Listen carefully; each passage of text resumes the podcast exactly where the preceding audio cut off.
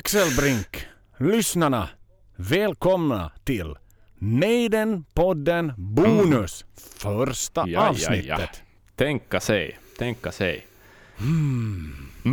Nu är det länge sedan vi har pratat Maiden. Nu är det verkligen länge sedan vi har pratat Maiden. Ja, och det tycker jag vi firar med att göra något nördigare än vi någonsin har gjort förr, tror jag.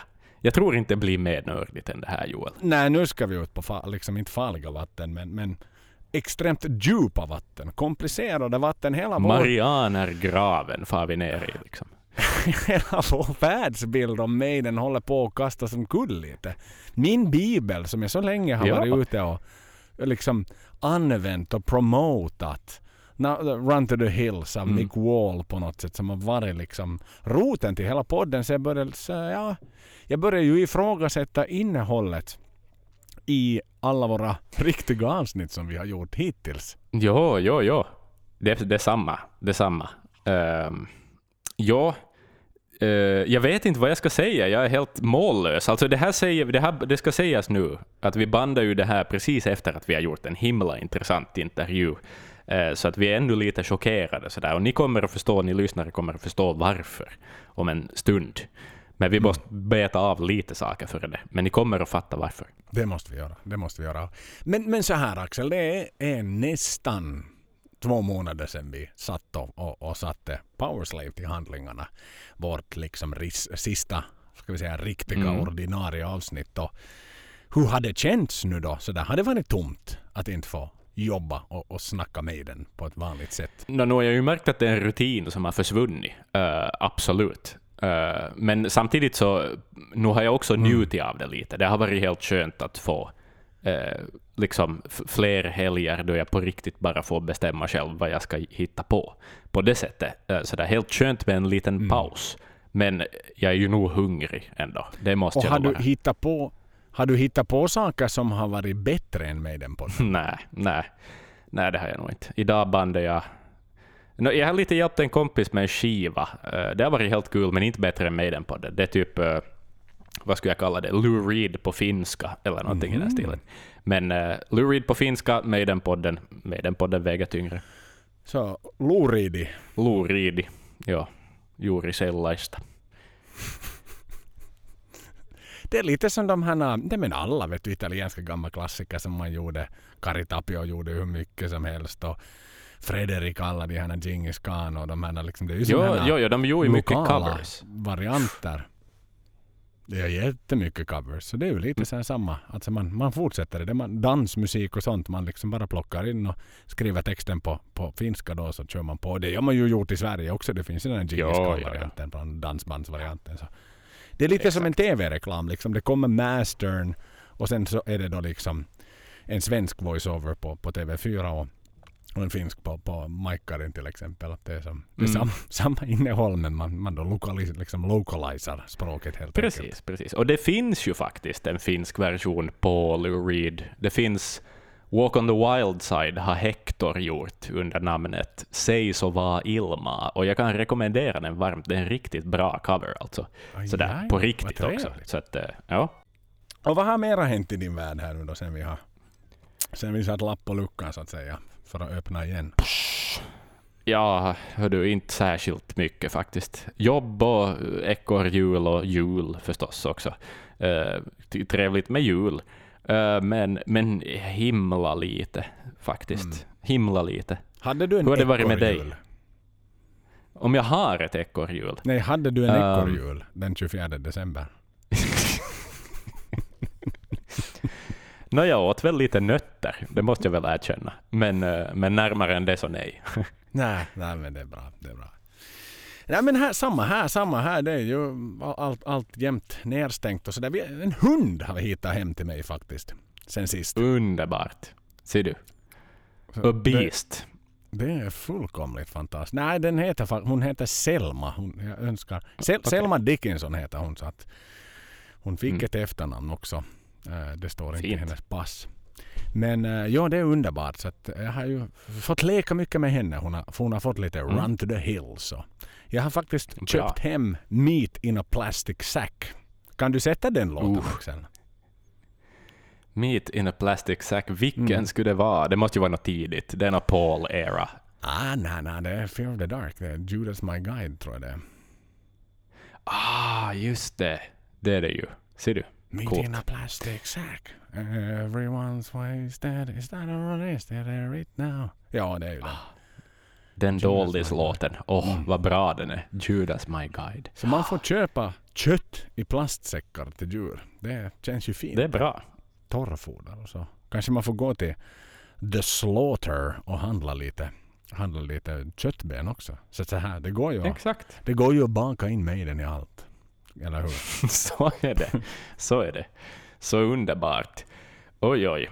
Ehm, vad skulle jag säga alltså sådär uh, inför det här avsnittet? Det var jag som kläckte idén med en Where are they now files. För jag tänkte att det skulle vara intressant. Och sen då jag började sitta ner och läsa Mm. så blev jag ju otroligt skeptisk också. Jag var så här, det här är det tråkigaste vi kan prata om. Mm. Vi kommer bara att prata om, om liksom övre medelålderns liksom pubmusiker sådär, i, i ett avsnitt. Att hur intressant är nu det egentligen? Men, men så kommer då den här holländaren som vi snart ska presentera in och bara flippar perspektivet totalt. Mm. Och jag tycker det är så, alltså det har ju gått och blivit, jag vet redan alltså att det här är ett av de mer intressanta Maiden-podden avsnitten överhuvudtaget. Nu är vi in på Maiden-podden bonus, ja absolut. Men liksom, vi är ju ändå samma podd förstås. Ja, ja, ja. Jo, jo, så är det. Nej, men det är ju ytterst spektakulära uppgifter som, som Irving kommer med. Och det var ju lite på vinst och förlust som vi hittade honom någonstans. Jag, jag satt också helt som du desperat och googlade efter de här gubbarna. De, det kan fan Mm. med tilläggas att de tillägnas inte hemskt mycket information i, i Maidens officiella biografi. Mm. De har inte väldigt omfattande Wikipedia-sidor. Många Nej. namn är bara svarta så att säga. Det är inte klickbara länkar. Och, Nej, exakt. Och sen börjar man hitta och lite Youtube och titta på några gamla roliga inslag från när de spelar Maiden-covers. Liksom sådär i hyfsat modern tid. Och, och det är vit, precis, det är vita män med vitt hår och i publiken står vita män med vitt hår. Det är liksom, Mm. Det är en väl, jag vet inte liksom, det, det blir inte en mer homogen skara. Maiden är ju som, som spelar ut en mycket mer exotisk publik än så såklart liksom runt om Ja. i världen. Utan det är ju verkligen liksom Yes, frun gav mig tillstånd att gå och dricka öl för att mina, vet du, de som spelade när jag var lika gammal som de var med där. Så att Ja, ja, ja, ja. jag vet inte liksom vad, vad, vad man ska börja. Alltså någon, någon, nu som sagt vi ska ha Irvin med oss här och han kommer att vara med en stor del av det här poddavsnittet vilket blir då en första del av vår, vår eh, med den podden bonus. Så att vi, vi tar oss lite Mm. nya grepp här. Men, men alltså lite så här familjeträdet som ni ju alla känner till. Det fanns med i en sån här fint ihoprullad papyrusrulle som kom med i Eddies Archives back in the day för, för er som Mm. Som hade stora medel att köpa den för den kostade en halv bonnagård den där jävla lådan. Jag, jag hade inte råd till den kan det sägas. Men den är snyggt den där skrinet i alla fall. Men, men eh, i alla fall så, så alltså det blir ju lite Alltså när man spelade Maiden för 45 år sedan om man var med kanske och Ja. gömma Sanctuary på Carton Horses. Och så Precis. är man där idag igen. Och så gör man samma sak på samma pub. Men, och till samma människor ska det tilläggas som var där Ja. för 45 år sedan också. Men inga Ja. nya, inga yngre.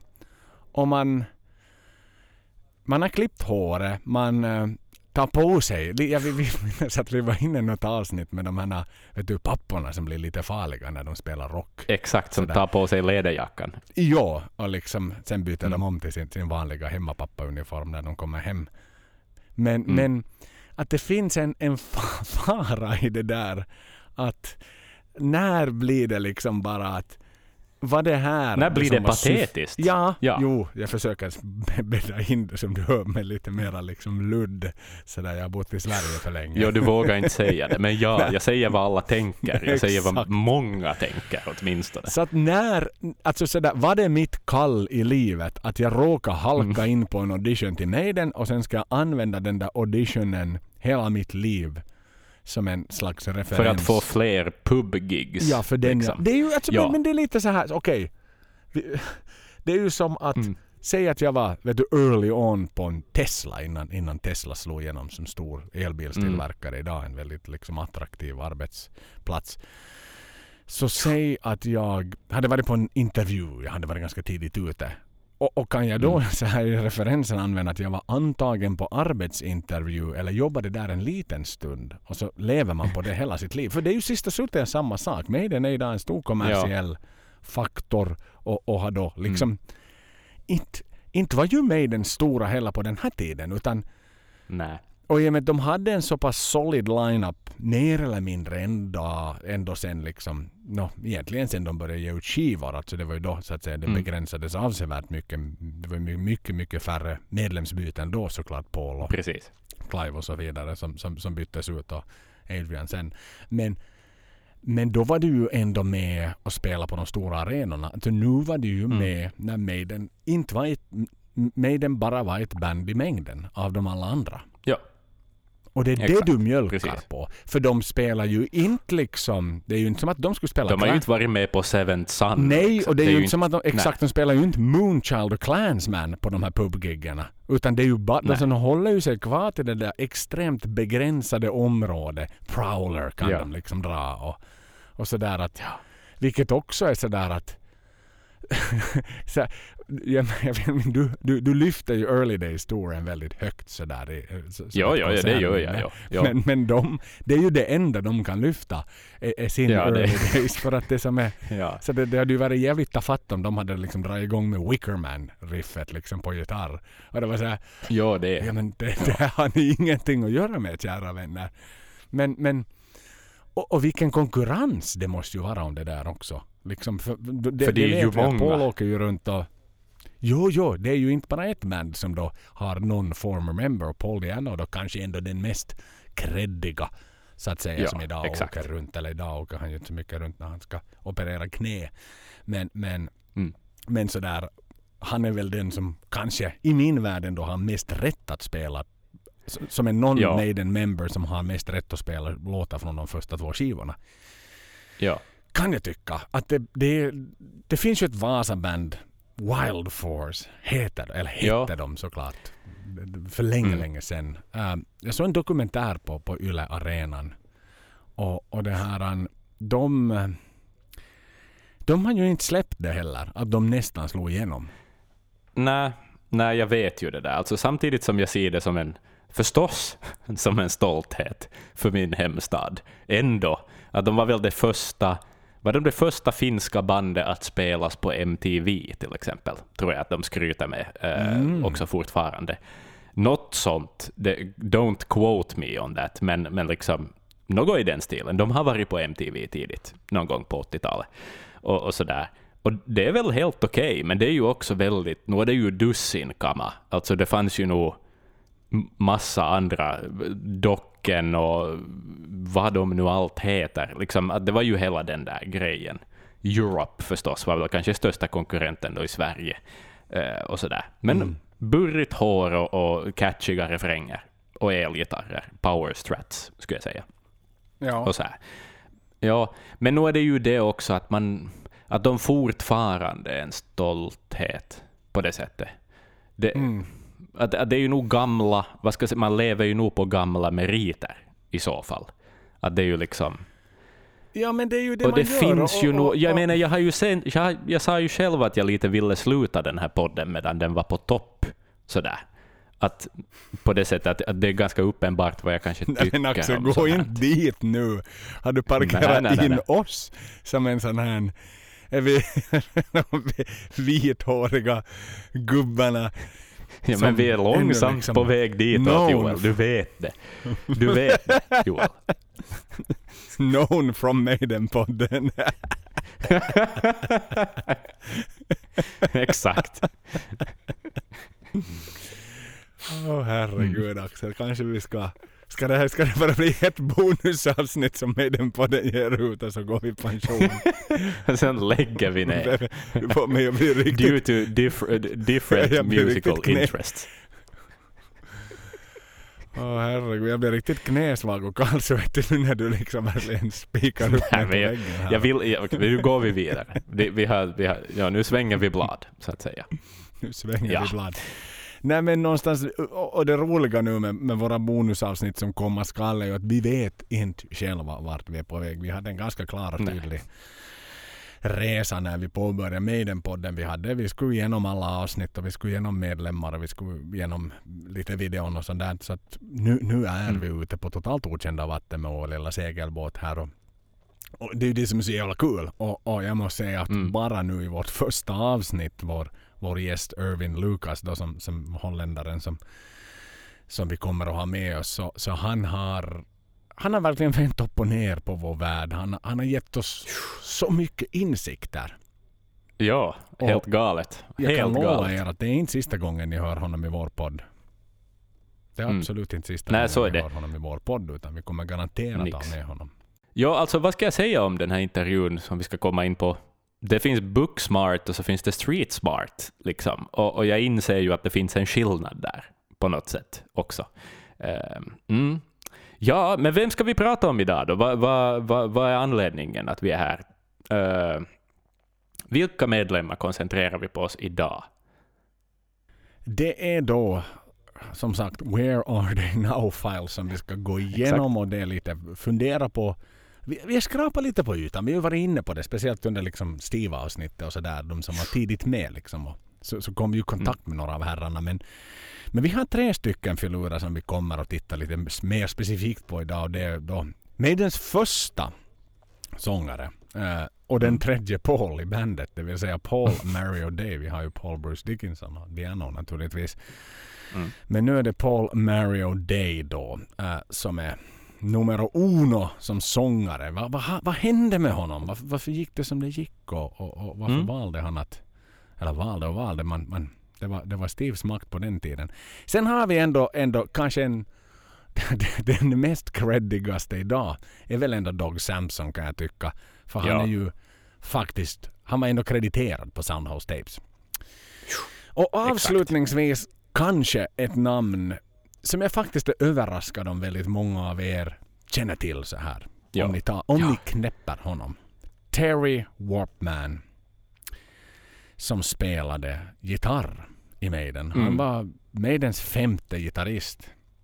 Och det kan ju så här i, i, all, all sin ära låta som att Ja men då borde man ju vara en av de sista. Men sen är då, Ja. sen är då. Utan nummer fem är bara en, en liksom liten barnsiffra i Maidens liksom gitarristsfär. Exakt. Så, så att sådär, han, han är väl den som, som verkligen ligger liksom i skafferiet. Han är den här bo-vetemjölspåsen som man köpte för två år sedan när man skulle göra blinier som man glömde Ja, bort. och precis, för tre år sedan. Annat. Ja, exakt. Exakt. Men de hade ett liv och de, de lever liksom, de, de andades också och hade puls även efter Maiden. Det var inte som att liksom Mm. Steve begravde dem i sin bakgård sådär och hade livet av dem. Liksom skicka, Nej. skicka liksom Killers Eddie på dem med yxan. Utan de, de, de gjorde ju någonting de också. Ja, Den exakt. gemensamma nämnaren är ju att många höll på med musik. Ehm, Mm. Vi får ju lära oss i vår diskussion att till och med, till och med vissa blev miljonärer. Eller åtminstone extremt rika och välbärgade. Så att det var ju inte bara Mm. Steve som lyckades liksom monetärt Nix. så att säga av Maiden. Utan det går att tjäna pengar utanför Maiden har vi fått lära oss. Vilket är positivt Jo, Axel. jo. Definitivt, ja. Definitivt. Så det, Det det, är det. är fullkomligt fantastiskt. Men om vi börjar med, med, med Paul Mario Day. Liksom, Det tycker Sådär. jag. vad kan, vad kan, du, kan du säga någonting om honom innan? Jag, jag tänker sådär, utan att ha Vet du vad? läst. Har han sådär i Maiden-sfären? Mm, nej. nej, jag kan inte. Jag kan Du faktiskt du inte. Jag, jag, jag intryck minns hans namn från det här släktträdet som, som du nämnde. Så Mm. mycket kan jag säga. Och jag visste att han är första sångare, men jag kan ingenting om honom. Faktiskt inte. Så att, Nej, be, för han fick ju belys mig. Han fick ju faktiskt foten det här han från eh, från Maiden för att han saknar karisma. Aha, just det, just det, det, var, ju han. De, det var de, det var, det var han och det var ju därför man sen plockade in, in, in eh, Dennis Wilcock då som ju var Mr Kiss då som, som kom med svärden och de här blodampullarna och liksom hade sig. Precis, exakt. Så att han var liksom, han var för tråkig för mig den helt enkelt. Mm. Men igen, som sagt, som vi var inne på, informationen kan vara rätt så begränsad när det kommer och, och liksom hitta och, och lite vad gjorde de sen? Nu, nu var jag Mm. inne via Wikipedia någonstans, den här mest tillgängliga sidan naturligtvis för oss alla när vi ska hitta information om saker och ting. Och jag hittade en direktlänk till, till Paul Mario Days officiella hemsida. Jag tänkte att här har vi ju guld. Här bloggar Mm. han säkert och håller på med massa saker. Och gör videodagböcker och poddar och allt vad han håller på med. Och berättar om sitt liv som hände. Men Mm. mm. sen nej, sen nej. När jag klickar på länken så kommer jag till en japansk vuxenchattsida. Jaha. Hmm. Så min första tanke var, var, ju, var ju såklart att He sold out man. Mm. Förstås. Starta men det- en japansk... Men det, ja. men det var pedagogiskt sådär. så Att det var inte liksom vilket här hux flux liksom in i någon webbkamera som helst. Utan det var ändå sådär liksom. Det var instruktioner vad vuxenchatt är och sådär. Att det liksom på det sättet. Kanske det finns regler i Japan över liksom. Det, Det kan det ju vara. bara liksom Nej. sådär så att man Okej. inte ska bli förskräckt. Det först, alltså när man kommer på landingpagen så. Men, men i alla fall den, den finns. It's no longer there. Don't look for it. Det som är Spinal Tap-filmen. Precis.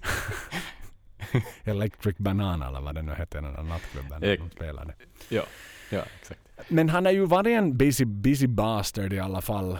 Då efter att han fick foton, Mm. foton från, från Maiden för att då han saknade scenkarisma och hade en shitty live show. Så efter Maiden då, inte, inte blev han då liksom deppa så där hemskt länge efter det utan Mhm.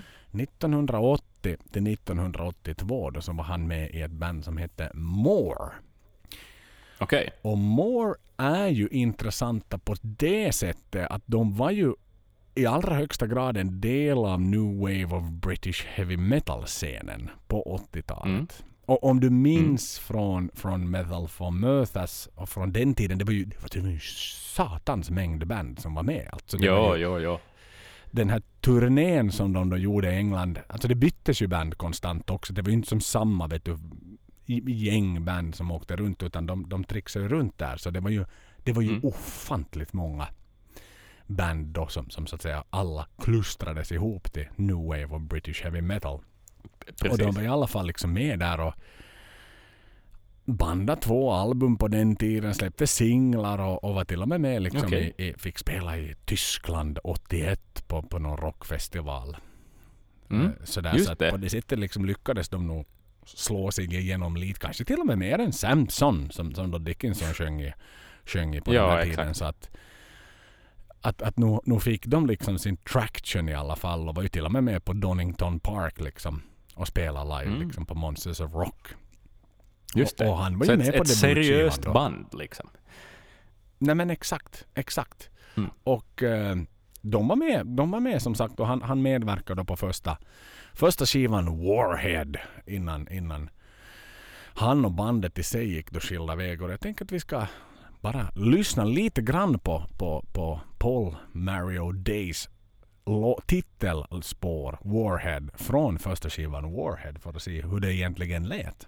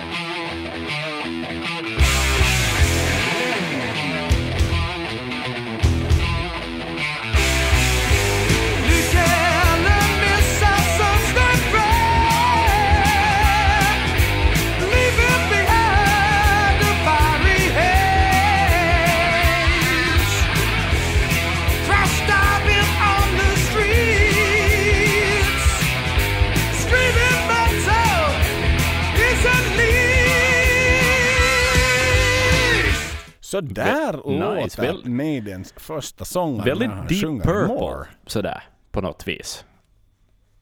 Mm, väldigt men kompetent sångare. Faktiskt. Det får jag Jävligt, faktiskt säga. ja. Jag är mycket bra sångare. Alltså en, en riktigt, riktigt stark sångare. Mm. Ja, även om han ju var så tråkig att se på så säkert Steve somna liksom mot sin basrig där liksom basförstärkaren. Vittu gör nu någonting Ja. snälla du. Stå inte bara där och sjung din jävel, gör någonting. vis, vis dra ner byxorna. vad var det han ville? Ja. En kompetent sångare liksom sådär. Mm. Men vad är det han vill? Ja. kan man ju faktiskt tycka. Och, och om vi liksom sådär går, ger oss in i ett beprövat Maiden-podden begrepp, det vill säga What if ja, exakt. Ja. Så om vi, om, om vi då plockar bort eh, Paul från More och, och skulle installera honom på, på Killers exempelvis. Mm. Hur tror du att skivan Killers hade låtit med Paul Mario Day som sångare med tanke på hur han lät på den här tiden? Den hade ju inte haft den där punkiga aspekten av Maiden på samma Mm. sätt. Och jag skulle ändå säga att det är en förlust. Att visst, Paul Mario Day säger jag nog rakt ut, är definitivt en mer skolad sångare än Paul Diano. Men, men det är också kanske vad som skulle ha gjort det mindre intressant, tror jag. Jag tar nog ändå Paul på Killers och självbetitlade Any Day, måste jag nog säga. Mm? Ja, du gör det. Du gör det. Ja, jag gör nog det. Alltså jag säger inte att, att, att Paul, alltså Mario Day är en dålig sångare. Jag säger inte att han är en dålig sångare, men, men jag säger att han är kanske en mindre intressant sångare än Paul. Diano. Mm. Han är ju, alltså lite någonstans är det ju lite mitt i, inte kan man säga att det är mitt emellan Bruce och Paul heller för då är ju fel ute men men det är ju en högre pipa Mm. men men lång, alltså han sådär, säg, säg att vet du igen tiden hade helt gått åt olika håll och nu säger jag att han har varit idag, alltså det är Maidens leadsångare. Maiden Mm. har aldrig bytt sångare. Maiden är som Rammstein, de är konstanta med sina medlemmar liksom. De, de, de har aldrig bytt någon. Mm. Så säg sådär att hade Number of the Beast blivit det det hade blivit med, ja, så jag, nu med, med vrål. För, för där igen, alltså, vad, jag, ju- vad vi har varit inne på 150 000 gånger i den här podden, är den här kulissen mellan Diano och, och Dickinson. Mm. Den är ju, alltså, det är ju som en helt annan teaterscen. Jo, jo, jo, det är det ju nog. Um, ja, och om Paul Mario Day då var tråkig, liksom. Uh, Va, alltså gjorde, vad jag vill komma Mm. in på, gjorde Steve rätt beslut? Ah, inte ju Paul jätteintressant på scen. I Det här, I det jag har sett som finns sparat på video, eh, liksom.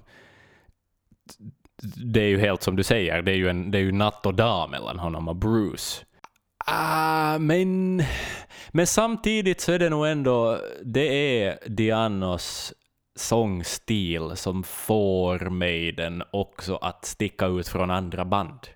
Alltså som jag sa, att, att Paul Mario Days, vad, vad hette det här bandet sa du? Eh, Warhead hette låten väl? More? Men More, exakt. More, More är ju mera uh, Deep Purple. Alltså det, det lät mer Deep Purple. Jag kunde säga att det låter som Deep Purple på något vis. Men Maiden är Maiden, vet du. Att, Mm. att det som gjorde Maiden till Maiden också i tidigt karriären var, var nog, tror jag, valet av sångare på det sättet i de inspelade skivorna i alla fall. Ja, ja. Så det är din liksom take på det hela att Ja, hade det varit hade det varit förödande för mig den med för jag menar, än en gång, alltså allt går ju att skola in. Du kan skola in till exempel scenkarisma. Det är ju sällan Ja. du föds som en... jo, jo. Karismatisk Injicera piss i huvudet, liksom. Jo, jo, ja men det, det, alla gör ju det hela tiden. Ja. Det är liksom inget snack om saken. Så att eh, där är ju frågan att, att blir det liksom ja, alltså var Mm. Steve för... Var det, var det hans gut feeling som pratade eller vad var det? För jag vill ändå komma in på det där att han gick då från, från Paul Mario Day till, till Mm. eh, Dennis Wilcock. Då, som, som var sen igen totala motsatsen till Paul Mario Day. Ja, Och så exakt. gick de till, till Diano som då egentligen var igen ganska totala motsatsen till, Ja, till Wilcock för att Paul gick ut med sin ledarrock och ingen t-skjorta under och så gjorde han sin punkiga, rockiga grej och pratade inte så mycket och charmade kanske inte så mycket fans utan han, han Nej. gav järnet. Och sen då uppenbarligen kommer ju Bruce in då och, och förlänger sina mixtativ och håll, liksom motar bort Steve från mitten av scenen på något sätt. Att ja. han är ju som det är lite en slank han hit och en slank han dit Ja. och en slank han hela vägen till något annat ställe för att till slut anställa Bruce Dickinson som sångare tills han slutade. Exakt. Och man då gick totalt åt ett annat håll och tog in Blaze Bailey som låter så här. Ja, okej, pendeln Man måste sjunga ju. så här! Ja, ja. Så, Ja. så speciellt under Maiden cover, alltså Bruce-coverna. Så att, vad fan, alltså det är ju som ingen röd tråd riktigt i, i Nej, hans... nej, det, nej. Vad är det han rekryterar för typ? Ja, det är väl nog den stora frågan. Men sen vet jag ju också att det finns ju musiker alltid som helt enkelt är bättre lämpade för, för inspelningar och, och som kanske inte är gjorda för att bli stora stjärnor. Vet du? Att, att Mhm. Så du, du säger att eh, Paul det är en session musician? Nej, men nu spekulerar jag i, i liksom... Du vet, men du, du har ju träffat hur många sådana här shrednördar som helst som, som inte är bra på scen, till exempel. Och nu finns det sådana bland sångarna också. Folk som har underbara röster, men som inte, inte kan ta en publik, kanske. Sådär. Nu spekulerar jag ju vilt, jag vet ingenting om hur Paul Mary O'Day är på scenen, för jag har aldrig sett honom. Men, men liksom, you know. Mm, Ja. Sen var det ju uppenbart att Diano inte riktigt kanske hade nerverna heller förstås, och sådär, men, men ja. Mm. Eh, Nåja, vi ska inte stanna kvar. Vi har mycket att prata om. Men vi har bara sådär som vi vet. Det är lite som med Paul Diano-avsnittet. Det är liksom listan är så satans på, på, på, på de här hållplatserna som herrarna har stannat vid. Och nu har vi liksom nu har hjulen redan kört fast i leran vid första hållplatsen. Så att även om, även om vi med den podden tillåter sig att vara extra nödiga idag så behöver vi ändå ha en, ja, vi behöver liksom rycka upp oss och åka vidare med vår, vår lilla Ja. buss. Så vår buss går nu vidare till vad var nästa band för Paul Mario Day? Det var ju inget mindre än Wildfire. Det är så Mhm. originella bandnamn här också. Det är Wildfire. Det är liksom. Oh. Vad tycker du om det namnet? Nå, Hur sitter det sig i munnen på dig? att det fanns tre A-band som hette så det är lite den nivån nu. Ehm, det var alltså en referens från uh, sjukt lo, ko, eh, min tunga vrider sig. Sjukt lokal lokal-tv. Mm. Mhm. Ja, eh, mm. inte himla intressant. Nej, Men i alla fall i Wildfire, de hade tre gitarrister, inget mindre än det. Bara en sån Oho. sak. Ser du? Och de, och, de hade, och de skramlade ihop ändå finansiering så de hade också råd att besöka studion. Och lyckades då finansiera ihop skivan Brute Force och Ignorance. Och jag tycker att här ska vi också lyssna lite på hur Paul låter på den här tiden på Wildfire. Är du med Axel? Jag är med. Jag är med.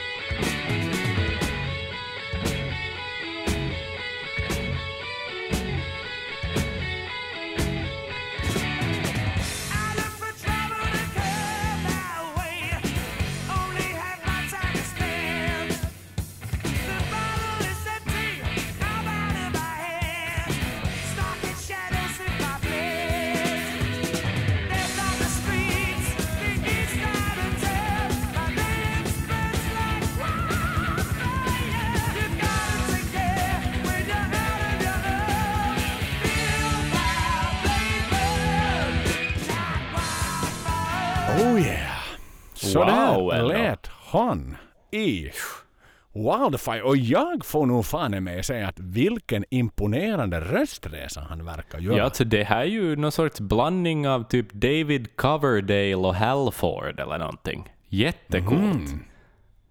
Han är ju en kom- ofantligt kompetent sångare vid det här laget. Jo, oh, det måste jag nog säga faktiskt. Wow. Vad börjar han nice. utvecklas till en... Ja, och det är ju det som är så förbannat kul att det har vi fått lära oss nu i den här podden. Att vi har fått ta del av faktiskt liksom hur, hur hans utveckling gick. Va, va, var det helt enkelt bara så att Maiden var på tok för tidigt för honom? Mm, det kan hända. Skulle han ha kommit in senare så kanske platsen Mm. skulle ha varit hans. Det kan riktigt bra hända faktiskt. Det kan riktigt bra hända. För det är väl klart, alltså någonstans här måste han ju, det här då liksom hans tredje band, så att säga efter, efter Maiden och han fick foten därifrån. Det är klart att hans, han valde ju ändå musiken. Han valde ju, det var ju inte sådär att, att då Steves liksom, jag kan nu föreställa mig hur det lät sådär att You shit at stage liksom. That's Mm. why you can't be in the band anymore. Liksom att det slog ju inte ner honom på det sättet att han var sådär "Men vittu. Okej nu skiter jag i det här liksom och så börjar jag Nej. bygga datorer istället eller sitta och trycka på Nej, knappar i en fabrik. Utan att jag liksom... Det, det skrämde inte... Steves ord skrämde inte bort honom från musiken utan han... Frågan är om han inte bara tog det som en lesson learned. Mm. Mm. Antagligen. Kan- Antagligen. Kan- och det är uppenbart att han har en talang liksom, på det sättet. Och, och, ja. Härligt. Okej, fan. Nya musiktips här. Exakt, man förstår ju liksom verkligen förstår man ju att han eh, så att säga blev, blev eh, rekryterad in the first place till Maiden. Mm. Mm. Definitivt. Att det var inte där, eh, vad var det vi pratade om, att man kunde några barré-ackord liksom. Så där var inte allt. Det var så här, good enough. Ja, exakt. Nu får du vara med i Maiden i åtta månader. Precis. Nej men exakt, exakt. Så att sådär, det, det fanns ju någonting att hämta där. Nåja, inte blev de ju sådär jättelångvarig där i alla fall i Wildfire utan sen blev Paul Mario Day då The Sweet. Och, och The Sweet är intressant nog, det är ett glamband från 70-talet. Och Mm. nu börjar ju sådär hans karriär, saker och ting. Det är jättemycket Spinal Tap Flower People över liksom hela det här Jaha. Konceptet liksom till, till det bandet. Han gick då från Maiden till, till More till Wildfire och sen liksom hoppade han rätt och slätt in i, in, i någon typ av teaterband nästan kan jag tycka. Mm.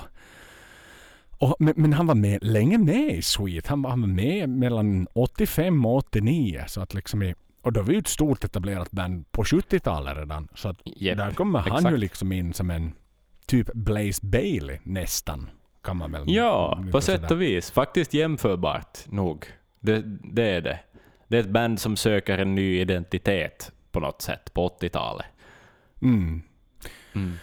Inga tyvärr söta album som Paul fick ge ut med The Sweet, men däremot finns en live-inspelning från The Marquee i London. Som Mhm. då lyckades tajmas in under tiden som Paul var med där. Och jag tänker att när vi nu ändå följer hans lilla utvecklingsresa i Maiden så, så kan det ju vara på sin plats att lyssna lite hur, vad ska vi säga, glammig 70-tals rock lät med denna före detta Maiden-sångare. Vad säger du om det?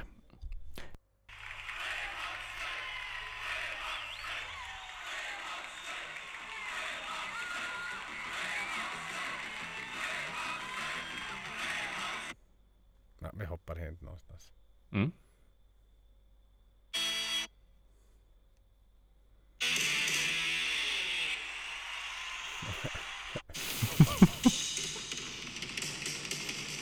Jävla gitarrtrumsolon och grejer. Det är alltid fel- fel här nu. Det är en hel konsert jag tittar på nämligen.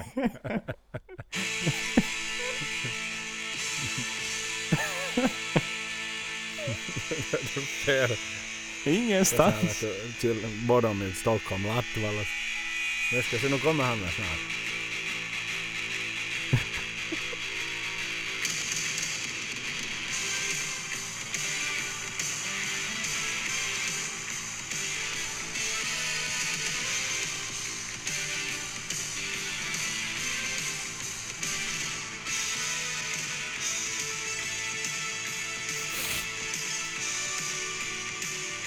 här. Det finns ju inga sånger.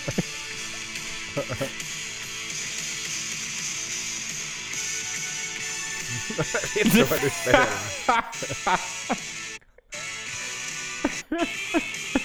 Nej, nu är det solo.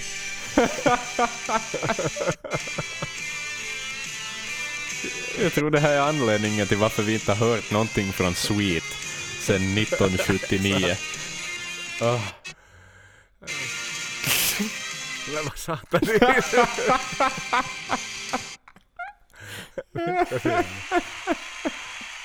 Herregud. Hade du någon sångare med alls på konserten? Eller? Ja, Nu blev trumsolo igen här. Herregud. Ja, nu! Men du...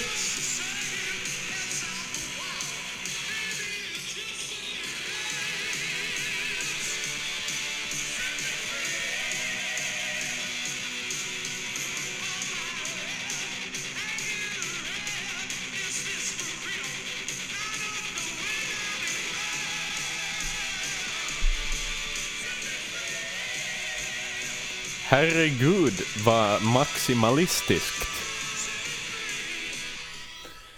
Ja, Jo. ja, vad ska vi annat säga? Har du någonsin Joel hört på ett band som heter Nitro?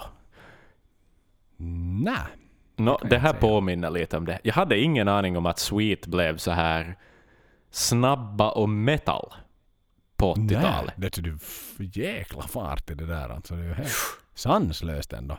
Power metal Och- och bastrummor. Ja, ja, ja, alltså vilken fart. Vilken fart det. Och jag menar så här glamrock, brittisk 70-tals glamrock. Jag, det är för mig en ganska okänd kategori. Någonstans glamrock är för mig det LA scen, scenen Ja. liksom. Det, det är Guns och så vidare liksom. Men sådär 70-tals brittisk glam, om det, om, om det lät så här då och, Mm. och låter så mm, sanslöst häftig scen alltså. Wow! Ja, men det där är ju nog långt ifrån vad det var med Ballroom Blitz och, och de här Come On Feel the... Nej, det var inte... Det, ja, Come On Feel the Noise är väl Sweets låt? Nej, blandar jag ihop. Nej, Nej, nog fan är det Sweet. Nej, inte Sweet. Quiet Riot gjorde en det. berömd. Quiet Riot. Gjorde en berömd med sin cover, men originalet är av ett brittiskt band, tror jag. Ja. Aha. Mm. Okej. Okej. Ja men då. Coolt i alla fall. Och, igen här har han ju liksom... Här är han ju en fullfjädrad performanceartist. Ja. Han har, han har liksom smink på sig. Han ser ut som Dee Schneider liksom. Och, och en Just det. karisma som heter duga. Mm. Alltså det är ju så David Lee Roth nästan liksom. Ja, ja, ja, precis. Men som du säger, man kan ju lära sig. Och då, då det här tyder ju lite på kanske att det var tajmingen som, som inte var rätt på det sättet. Ja, ja. Nej men alltså det är ju sådär nu om, om nu när jag lyssnar på något idag hur han låter men, men hade den karn idag så att säga hade Bruce kastat in handduken efter Mm. om det då hade gått som, som Mr. Steve Harris lite befarade efter Brave New World att "Nå, Vittu ska du nu bara komma hit nu igen för att få lite boosta dig själv och sälja lite fler Mm. album med din egen solokarriär att du sen slutar igen. Att vad har jag för garantier för att när du börjar igen här vid Brave New World så fortsätter du. Så hade, hade det då blivit så som liksom Steves vet du, mardrömsscenario då att Bruce hade slutat, då jävlar ska ni nog ringa upp Paul Mario Day som liksom Ja. original voice of the beast och sätter in honom som ny sångare om han nu lallar Exakt, precis. Alltså det är ju full fart framåt liksom. Då kan de ju plocka in syntaren igen också. Med sig dit. Ja, ja, Så ja. Det är ju ja. ett riktigt liksom Lattjo Lajban-band. Kan de vara med på Barnkanalen också och spela? Bara för att det är så glatt och det är så trevligt. Och, nej, den kunde ha varit med i Eurovision som Englands bidrag. Ja, ja, ja. Definitivt. Oj, Och oj. Steve hade fått ta på sig sina ballongbyxor igen. Ja. Undrar om vi någonsin får se finns honom det- i dem igen. Nej, nej inte sen han hittade fotbollsshortserna. Nej. Och sitt, och sitt bekväma farmors det här uh, gitarr, vad, eller vad heter den här? Den här, halsen? precis, vad vi nu ska kalla det, benvärmaren. Eller vad det nu är. Exakt. Han, han blev bekväm där. Han blev Mm. bekväm där i dem. Sen, sen i och för sig, han, han går ju hårt mellan ganska slattrig fotbollströja till tanktop. Ja. Ja, det varierar vilt. Faktiskt, ja. Ja. ja. Men han har ju ingen gubbkula att gömma. Steve idag inte. Nej, nej, nej. Han är snärt, den mannen. Verkligen smidig och smärt den mannen. Han hoppar nog över de, de flesta häckar på, på 400 meters banan om han bara vill ännu idag. Mm. Men Paul flyttade till Australien 1986 och, och, och, och Sweet då, de är brittiska och det fick jag inte riktigt liksom, borde vi faktiskt ha, ha, ha frågat vår vän Irvin här med. Hur kunde man vara med i Sweet och bo Mm. i Australien? Pre-internet ska det tilläggas. Ja. ehm, det finns det inga svar på. nej, nej. nej, för idag kan du ju banda in, ta nu mitt liksom favoritband som jag varit och öppna, med, öppna upp här med Morse Principium mest. Där bor ju deras gitarrist i Australien medan då, Just det, just det. då, då Ville och gängen bor ju kvar i Finland. Att liksom, Men det kan, alltså, kan Sweet ha varit... Kan Sweet ha flyttat till Australien? Vet du? Kan de vara Mm. baserade ur Australien? Det är väl en möjlighet. Jag, har inte, jag, jag kan inte Sweet. Det här är Maiden-podden. Det är inte Sweet-podden. Eller så var de så sweet så att de lät honom stanna kvar. Mm, det kan det också vara. Det kan det riktigt bra vara. Riktigt dåligt. Men i alla fall då sen när han slutade där 1989 sen, sen mycket coverband i, i New South Wales och, och Crimson Lake hette ett av banden med ett Z istället för någonting annat. Och Just det. nu spelar han då i anrika Buffalo Crowns som då beskriver sig själv på Facebook som ett proggband Mhm. och nästa Dream Theater. Ja, så. Nej, nej, det gör de inte. Det la du till själv. Det la du till själv. Så det är svårt för en 65-årig gubbe att säga det här är nästa Dream Theater. Nå, vad vet jag? Äldre än gubbarna. Nej, vad vet du? Och Nej. de har faktiskt färre följare än vad Maiden-podden har på sociala medier. Så sådär någonting så Ser du? får vi credda oss själva med i alla fall. Att vi, Mm. vi, har, vi, vi, är, vi är större än Buffalo Crows. Haver. Tänk he. Tänk det. Och där är hans saga all. Jag såg så väldigt emotionell intervju för han var ju med på någon sån här tillställning. Jag tror det var på Cart and Horses som man gjorde någon typ av intervju med honom. Och, Mm. Och, och, och lite för att gå in på det där som vi pratade om tidigare med att när blir de här vita gubbarna med vitt hår patetiska? För de, de Ja. ser ju inte ut som de, de ser ju inte ut som, som Janik med Lejonmannen idag precis. Utan de ser ut som vem som helst. Som gillar Precis. att dricka öl. Och, och gillar att bläddra i sin vinylsamling. Och det här han, men han blev som jättetårögd och emotionell i den här intervjun. Att på något sätt sådär att nu ja, han kanske hade några pilsner under västen vilket det brukar oftast liksom, ska vi säga, göra det är närmare till en tår då. Om vi säger Ja. så. Men Ja.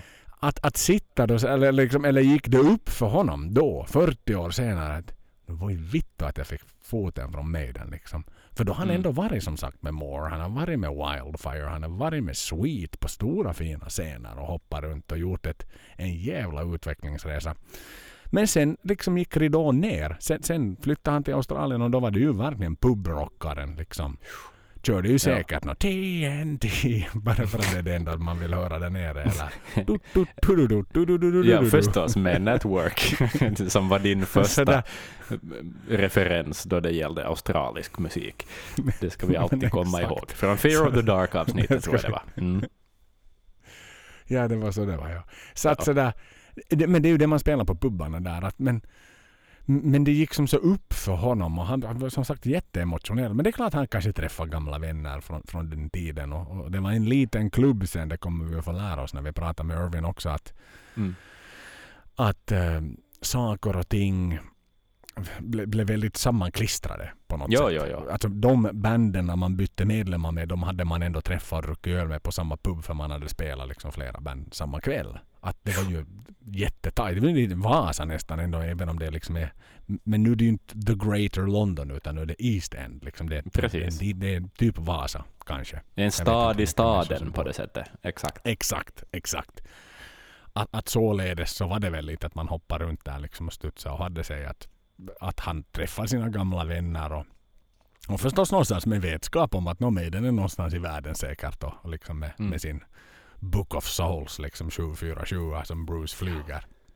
Något sådär, tänk om det hade varit jag som hade tagit det där pilotcertifikatet och Mm. fått springa runt där liksom och köra hela den delen. Så, men eller vad, tror, vad tror du? Liksom, är, det, är det ett spel för gallerierna att bli emotionell eller är det liksom, eh, för att citera vår gamla vän Derek Riggs, grow the Mm. fuck up. Vad Ja, tror du? Nå, då hänger man ju... Jag vet inte. Jag, nog, jag kan tänka mig att det är ett ohälsosamt sätt att förhålla sig till det. Åtminstone. Alltså på det sättet att det kan ju vara en engångsföreteelse att han blev så här känslosam. Att det var en dålig dag eller vad som helst. Eller för många pilsner under bältet. Vad som helst. Men, men om det här är ett återkommande eh, en återkommande grej så är det ju nog liksom, inte det är ju ett jättehälsosamt sätt att förhålla sig till, till gamla meriter. Alltså att bygga upp på något vis ett liv på en besvikelse på det sättet. Ehm, Hmm. men inte vet jag. Inte, det, det- det- går ju det inte bra för allihopa heller. Liksom, att det, kommer man ju inte ifrån. Alltså en del sagor är väl lite olyckliga. Men ja, Alltså, visst- visst är det så, men, men samtidigt, vi öppnade den här dörren och det var ditt liksom beslut i podden. Vi skulle prata om Ja. de här gubbarna här. Och, och, och som vi ju vet, alltså det är ett ofantligt stort träd av medlemmar som Maiden Ja. hade innan de etablerade sig. Och alla de här ska på något sätt få skörda sin lilla, ja. ska ha sin del av kakan. Men, men, Ja. men de var ju inte med och baka kakan egentligen. Alltså jo, på ett hur ska vi nu, jag, jag gillar att vara bildlig i mina talesätt, men de var Ja. kanske med och de var kanske med och köpte äggen till de första misslyckade som brändes i ugnen. Precis. Men den där bröllopstårtan som kom ut, så den hade bakats för länge sedan när de inte längre var i köket. Nej. Och, och Nej. det är ju där jag kan tycka att sådär när de ligger på sin dödsbädd, för många av dem är ju liksom i 60, eller alla är ju 60 plus 70 år och liksom förstås det är den Ja. åldern de ska vara i för det var då det är för fan 40, 45 år sedan nästan som Mm. det här hände så att, att bara att vigas, eller, eller var det internet som gjorde att sådär hej nu har jag en chans för att sådär vet du, svårt på 80, 88 liksom när Maiden var ute på, Ja. på Seven Sun-touren liksom. Ja, men nu är det ju ett folk. 2000-talsfenomen, är det ju nog. eh, Mm. På det viset. Och det, ju, det går ju hand i hand med, med en hel scen. Det är ju så många band som fick en, en återupp, liksom en, ja, en, en rebirth på 2000-talet. Så band som Mm. har varit borta, det med otrendigaste som finns, som sen mitt i allt fyller arenor. Och mitt i allt finns det en massa pengar i gammal hårdrock igen. Att skulle jag nu liksom sitta där och ha kämpat mig igenom min karriär som musiker med en massa pubband och en massa liksom halvmisslyckade försök och en, och en långsamt nedåtgående karriär. Absolut skulle jag leva vidare på den referensen, tror jag. Mm. Eh, Det är väl nog förståeligt. Är det god smak? Det kan man ifrågasätta. Jag vet själv att jag tycker att det är trist och lite halvpatetiskt. Liksom att vi har haft Paul Diano i Vasa så här många gånger under 2000-talet. Att det säger ju... Ja, och han säljer ju sina spelningar med dessa meriter. Det är ju uttryckligen vad han gör liksom, och har gjort. Så att Ja, men, eh, men ja. Men det, det finns Jo, ju Paul- sidor av myntet Paul är förstås. Paul och sen är det ju som sagt liksom han han var ju ändå med och liksom det är musik som spelas idag och det, det är alla som, nåja, de flesta som nu går på en Maiden-konsert idag så vet ju vem Paul är naturligtvis. Alla Mm. som lyssnar på den här podden vet vem Paul är. Men, men att ta då Terry Warpman som, som sådär Mm. ingen vet vem är. Att är det då för den typen av människa okej att Ja. bara mjölka och mjölka och mjölka och mjölka och liksom suga och suga och suga på någonting som de aldrig var med och skapa. Det, det är väl Nej. dit jag vill komma. Ja, jag tycker personligen inte att det är okej. Nej, och igår skulle jag ha sagt samma sak. Faktiskt. Mm. Alltså ungefär fram till den intervju vi kommer att få höra på här snart, så, så, så skulle jag ha sagt exakt samma sak. Men, men eh, ja. Eh, men sen vet man ju aldrig heller, liksom, på det sättet. Mm. Men ja, definitivt. Alltså inte skulle jag känna mig som en lyckad musiker om jag skulle fortsätta leva på... Säg nu att mitt gamla band eh, skulle bli nästa Maiden inom tre år eller någonting. Fylla Mm. arenor i världen. Och jag vill ha ett gig på, på Malice här i Vasa. Ja. Så, så det där... ehm, inte skulle jag må bra och inte skulle jag vara stolt över mig själv om jag skulle sälja den spelningen med de meriterna. Nej, nej, nej, nej. Musiken måste vara så pass bra så att det säljer sig självt, skulle jag tänka, på något vis. Att det jag har skapat är så pass bra så ja, att för jag det är får spelningar. aldrig... För problematiken är att det är ju egentligen aldrig din leverans. Nej. Nej, nej, och det är nej. Exakt, dit jag vill precis. komma. Att även om man då spelar sin egen musik eller då så att säga Mm. livnär sig på, på att spela de gamla, gamla låtarna. Men Mm. du, blir, du blir den här trubaduren på något sätt. Som, Mm. som har lite cred. För att du kan, kanske inte juridiskt, men, men du har ändå någon typ av rätt att utnyttja det. Ja, någon kulturell rätt av något slag. Ja, exakt, precis. Men, men så, ah, jag, jag har svårt med, jag, jag är tudelad och jag är så kluven för att jag, så, visst, ett, ett sånt fenomen som Maiden, men det det är Mm. satans svår diskussion det här som vi kommer in i det. första bonusavsnittet. Ja. för inte köper ju folk, alltså än en gång, alla, jag står och tittar på min Seventh Sun, vet du, snöglob som jag har fått. Ja. Svindyr produkt från, från Maiden-storen som jag dansade till och nu snöade på Eddie. Att jag köpte ju inte den för Terrys skull. Sådär, för Nej, att det var hans insats i Maiden. Jag köpte ju den för Steve och Bruce och, och, och Moonchild och fan och hans moster Ja. där, Clairvoyant och allt annat. Så att därför var det coolt. Och för att Eddie är cool och Derek gjorde ett jävligt coolt jobb och bla bla bla bla bla. Men, men, men ändå är det ju som att de är där och de sträcker också fram handen.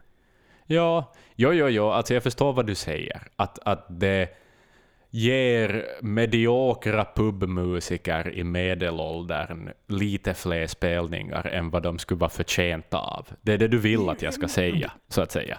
Men, Nå, det är ju men, dit jag vill komma med det. det Ja. Nu är det min tur att sätta upp dig på den där kroken på väggen. Ja, och jag förstår ju jag förstår absolut. Jag, och ja, som sagt, jag, jag, absolut har jag tyckt det här. Och, och liksom, men sen inser man ju också att människor är ju människor, vet du, och, och sådär. Att, mm, men ja, men det är ju uppenbart att de ju inte fyller arenor på det sättet. Så att eh, är det kanske lite att jäm... Ja, jag vet inte. Det är en knepig diskussion det här. Det är faktiskt en knepig diskussion. Det,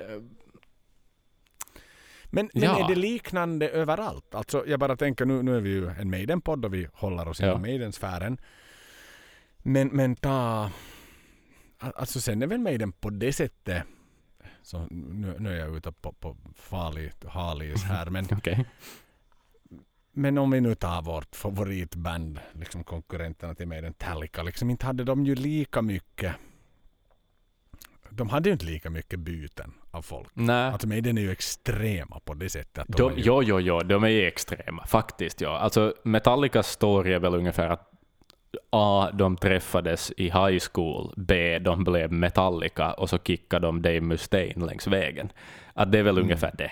Sådär. Mm. Ja, exakt. Och sen kommer Utan han att kunna allt. In då som basist och sen så Precis. han och så. Jo, jo, men det, vidare. det är mycket mer linjär... Ett, ett, ja, vad ska vi säga? Deras uh, metrosystem ser mer ut som Helsingfors Maiden är lite mer som London. Vet du? Vilken underbar liknelse. För om inte annat så kan ni googla Helsinki Metro och så tar ni på bildsökning så får ni se Ja, på, en, på en rolig liten tunnelbana där. Den går, det, det, det är kaxigt att säga i turistbroschyrer att man har en tunnelbana men Mm. sådär. Stockholmare speciellt kommer att ha lite småmysigt när ni tittar på Ja. det. Så, så passa på att göra det. Jag håller Men den är himla effektiv ändå. Jag skulle säga att den är ganska effektiv. Jo, jo, men den tar ju från punkt A till punkt B. Det är liksom ungefär vad den Och gör. inga, inga andra alternativ. Nej. Nej, det är nej, just exakt. mellan A och B den går. Ja. Exakt. Exakt. Ja, det är Mm. lite som vi brukar skoja att Vasa flygplats borde ha Terminal A och Terminal B. Liksom bara för Ja. att, sådär, för att få, få upp det här, boosta sitt självförtroende. En, en utrikesterminal och en inrikesterminal. Precis. Men det är sådär. Ena planet går till Helsingfors och det andra till Stockholm. Ja, exakt. Men i var, från varsin byggnad. Men, men, men hur som haver så, så, så igen för att komma in, alltså det, den är ju, och det är väl det som då också ännu mera gör att eftersom de hade en så vild ungdom i Maiden och det Mm. verkligen var folk som kanske kom in och spelade ett gig verkligen för att det, Ja. var, som, det var pojkar, alltså det var Nej, Ja, men ja. what the fuck, det, var- det var grabbar och de hade inga kontrakt och de hade ingenting. De hade inte ens satt Soundhouse-tapes till handlingarna ännu då på den tiden. Att, att, att, och det var fullt normalt. Jag och du, hade vi liksom bara fötts i rätt och, och, och hållit på så hade jag säkert sannolikt kunnat spela en, en konsert med mig den liksom på någon pub och du hade kunnat, du är multiinstrumentalist liksom, kunna Mm. gå in och bara fylla i och spela allt annat utan bas kanske som du ändå också behärskar. Men, för det var ju Mm. ändå någonstans där, the fixed position in the band. Men- ja, precis. Men, men oavsett så är det ju det är en sån, sån herrans stall alltså. De, de skulle kunna Ja. bilda en manskör alla Ja. som har varit med, med den tidigare. Och det ju, Och sjunga Better Watch Out. ja, tänk! Om de skulle göra en sån här eh, Sonata Arctica Revisited Fear of the Mm. Dark. Och sen då plocka in liksom alla former maidens för att sjunga Better Watch Out. Lite. Jag skulle köpa den på alla triple color vinyl som det bara finns. Och jättetunga vinylskivor och allt möjligt. Herregud, det är guld. För det, men för det är det ju också, nu kommer vi in, nu öppnar vi den där dörren lite helt och hållet. Nu får spelarna vara lösa här. Men Mhm. för det var ju också det där när det var någon sån här 40 year anniversary så var det ju en sån här någon som startade igång någon rumor att då ska de ju ordna en konsert där Blaze och Paul också är med. Och, och sådär Mm. och Maiden står där som något kompband till, Just till det. det. blir ju ungefär som På spåret då lite sådär. Liksom Steve står och ponkar på basen. Husband. Husbandet och så är det liksom, nu är det Bruce tur. Och sen Ja. är det Paul som kommer in och sen kanske de är nu, vet du, i encoren så ska ju alla tre stå och sjunga. liksom. Ja, som då tre tenorer. Ja, exakt. exakt sådär. Det lär ju vara någon sån här The One You Love To Hate med, med Halford och. Dickinson som sjunga varsin vers eller varannan fras. Eller någonting sånt här. Men, men det rann ju ut i sanden. Och, och, och så, eller det, det var väl aldrig på kartan från Maidens håll. För att Nej. där, där Nej. kan jag ju ha en sån jävla respekt och det är ju också en av an, stora, stora anledningarna till att jag älskar Maiden är att de håller inte på med den typen av, av clownigheter. Om jag ska vara helt. Det är ju cirkuskonster om man ska börja med någonting sånt där. Ja. Sådär. Bara Ja. för att alla fans skulle vilja se er tre på scenen samtidigt. Inte ens alla utan men det blir som one night only. Ja. Att, att sådär, nej, vet du ju, livet gick vidare, bandet gick vidare. Det finns en anledning att Bruce idag står och sjunger. Det finns en anledning att den här jävla slutsålda Ullevi-konserten flyttas framåt på grund av covid. Det är ju på grund av att den uppsättningen är vad den är idag. Och Ja, att de jobbar ja. och, och, och monterar sig vidare och skapar nya alster och nya alster och moderniserar sig och så vidare. Att, att då, då blir det ju liksom Nej men alla kan inte vara med. Du var med, Nej. men du är inte med. Nej. Så att varför ska vi liksom plötsligt liksom bli nostalgiska? Nej. Exakt. Och om det är ja. någonting Maiden inte ändå är kända för är att vara nostalgiska. Nej, det är de inte. De går vidare, de gör ny musik, de ställer sig bakom den nya musiken med självförtroende och stolthet. Eh, så är det. Så är det. Ta och det är bara underbart. Amolad-skivan, liksom att man drog den från Ja. början till slut. Och många Mm. fans då idag som ännu är så borde ni ha gjort det inte. För att Japp. jag fick inte höra Evil That Men Do till exempel. Eller sådär. Precis. Men men, nu. Jag, jag är så pratglad Axel. Det är väl det det handlar Jag märker det. Jag märker det. Den här så länge. pausen har, har fyllt på ditt pratkonto. Ja, Det det hade den gjort. Vad var det, hur många Ja. timmar hade vi pratat med dig? Jag har glömt bort. Vi Jag minns. Oj, det var himla mycket. Det var det, väl var det. en, det, var, det var många timmar i alla fall. Och Det var det. jag liksom varit tyst nu. Jag har lyssnat igenom allt vad vi har sagt. Nej, det har jag inte gjort. Så pass. Så mycket tid har jag inte haft på mina händer. Nej, men ska vi... Hade du mer, mer om... om eh, Nej, Paul Mario Day. Thank you very much. mm, Best of luck with the kangaroos. Exakt. Ja, men jag kan dra i all korthet. Kan jag dra. För vi Eh, har ju två andra gubbar också och klockan tickar Ja. på här. ja, och vi ska ha en holländare i podden. Men okej, så men vi vi kan ju en liksom göra ett holländare... rekord. Det här, det här Ja. kan inte vara längre än Powerslave. Nej, nej. Nej, nej, nej det, är fel, det är fel. Så därför gör jag det här i korthet. Vad ska vi säga? Vi kommer in med det här i det, bra. Vi, vi kommer in i det här med, med författaren i fråga som vi har intervjuat. Men Terry Wap- Wapram, Wapram säger jag. Ehm, jag, jag kallar honom rap, Rapman först. Alltså Rapman. Rapmannen. Ja, Terry Rapman. Warp. Terry Exakt. Wa- Warpman. Wapram. Wap Wapram. Ram, inte Rapman. Men, Jag tycker Rapman är, Rapman är det är bättre. Men ja, enligt... det, Ja, men vad ska... Okej. Men ja. det är lite som han den här, vad heter han? Exakt. Vad heter han den här sången? Crazy Frog. Ska, Ja. Scatman. Nej, Scatman. Scatman, inte Crazy Frog. Okej. Terry, Terry Scatman. Rapman då. Ah, Okej, vi går vidare Joel. Vi går vidare. Vi går vidare. Dags nu.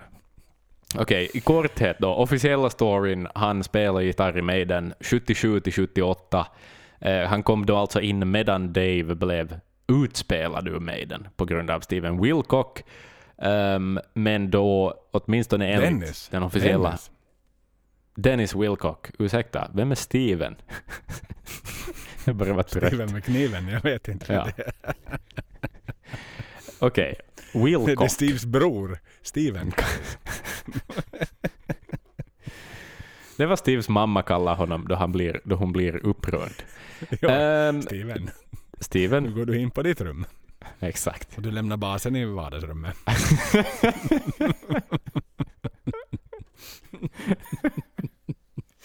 Okej. Ja, man, han ville alltså inte ha det här gitarrjobbet då Dave kom tillbaka, utan spela hellre ensam eh, gitarrist i bandet och, och, och backa, tacka för sig och, och gick ur mig den helt enkelt. Vad gör han idag då? Jo, nå, i korthet eh, spelar han i ett band som heter Buffalo Fish. Eh, och de hade bland annat en låt med på en välgörenhetsplatta här nyligen för Carton Horses. De försöker samla in pengar för Carton Horses sådär under, under tider då det förstås är stängt.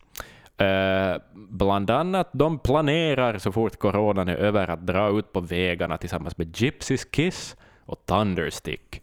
Det här är ju förstås bekanta namn för det här i, i de små kretsarna. ja.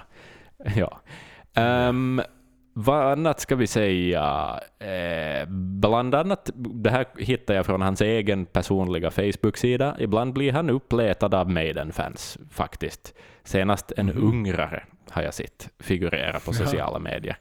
Eh, också en norsk skolklass har fått tala med Terry Rapman över videolänk för att lära sig engelska.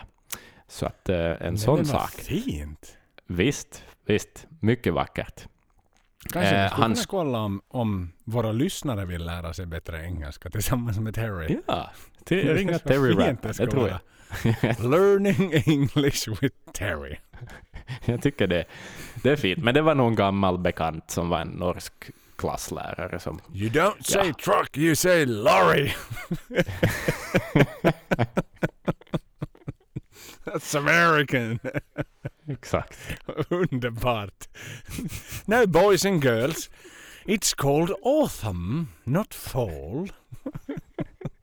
and yes, it's Harrods, not Macy's, eller vad den heter i New York. Nej, exakt. And this is what Don't- happens when you crank a JCM 800 to max.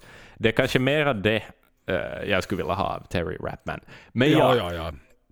Okej, vi går Men- vidare i vår kortfattade biografi. Får jag hoppa vidare Joel? Får jag snälla hoppa vidare? Ja, men gör det. Vi kommer ingen vart. Okej. Det är Eh, som han ett ankare. Du är Exakt som ett ankare. Och jag jag är så glad när vi är tillbaka igen. Jag vill aldrig att det här ska ta slut. Jag liksom bara drar ner det igen. Måste vi ha paus i en månad igen? Ja. Oj, oj. Okej, han skulle, Terry Rapman, alltså spela kortfattat i ett one-off-projekt vid namn Ides of March tillsammans med Diano då bland annat och Doug Sampson, Oh. Terry Rance. Eh, den här påstådda sista spelningen som, som eh, Paul Diano skulle göra, eh, som vi sen har fått lära oss att det finns nya planer för. Eh, hitta, ja, sen kom han in då i Buffalo Fish. Eh, nej, det här kan vi skippa. Det här var nog nonsens. Heter det... Eh, ja, sen har han ju också Är ett Adrian med gammalt... på något sätt i det? Nej, nej.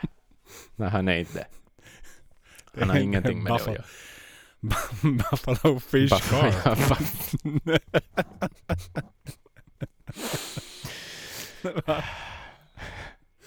På tal om Adrian, om vi nu ska fortsätta Han snöa in. Har du lyssnat, men har du Adrian. inte fisk, vi- inga fisk nu, men har du, vad, vad tyckte du om Adrians nya låt, Joel?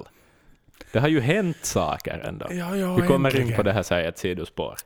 Äntligen. Nej, n- Det är nu catchigt. Det får jag ju säga. Ja. Adrian ser ju fräsch ut med smink och lite Ja. makeup och sådär. Jättebra. Alltså han ser ju fan han ser, han ser tio år yngre ut än vad han gjorde på Legacy of the Beast-konserten absurt Ja, nog. Ja, Det är faktiskt. jättekonstigt. Han ser frä, han ser ut som Rocken Rio 2001. Ja, han säger, också. jo, jo, jo, exakt. Det var som att man plockade ur Rock in Rio. Definitivt. Ja, en riktig Ja. liksom. Och, uh, tight på gitarren och... Ja, Spelglad, bra riff. riktigt spelglad. Fina, ja. Och så, två sångare och två leadgitarrister. Vilken kombo ändå. Ja, ja. ja. det är cool. Riktigt cool. Alltså, var det den här liksom när han satt hemma och spelade Gangland liksom i sitt rum så som fick honom sådär, Ja. satan, någonting annat måste jag göra också. Ja, det är ju Måste få ut skitcool någon musik. alltså. Ja, faktiskt. Ja, Så. ja, fantastiskt roligt. Underbart. Ja. Mera sånt Adrian, mera sånt. Kanske Ja, ja. till och med får, får Bruce att liksom börja blåsa dammet av sitt potentiella kommande soloprojekt som han också har pratat om hur länge som helst.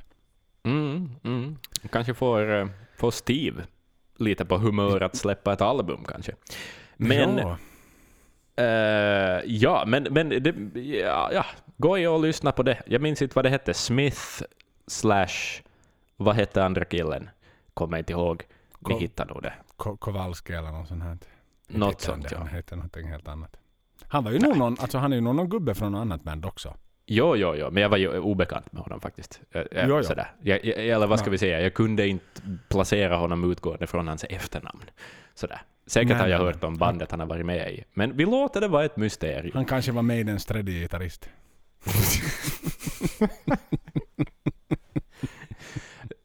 Det finns en sannolikhet.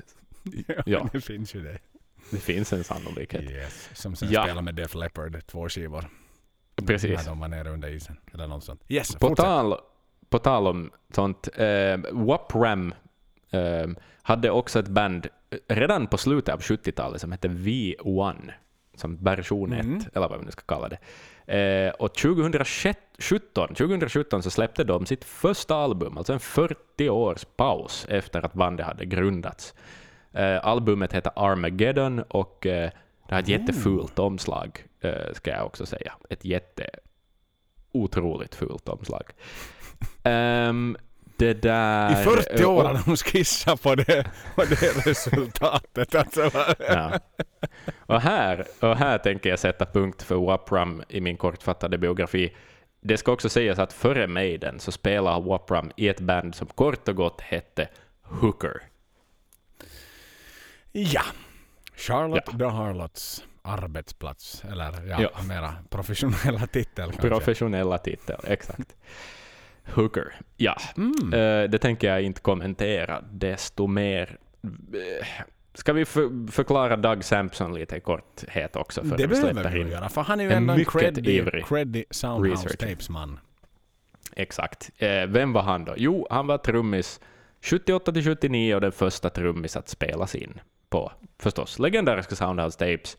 Eh, storyn går att han stack från Maiden på grund av hälsoproblem egentligen. Eh, på grund av turnerande. Han mådde inte bra i den gröna bussen. Eh, Green Goddess där. var kall. Den var inte så väl isolerad i skåpet.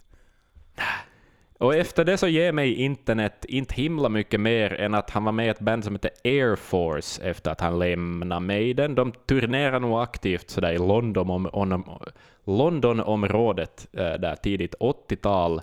Det startades upp igen då 2015 för någon eh, det här eh, fundraising-grej eh, då, alltså och, och, och spela också på Burfest som vi kommer in på i intervjun. Burfest då som är till, till minne av Clive Burr förstås och, och samlar in pengar för MS-forskning eh, Yes. bland annat.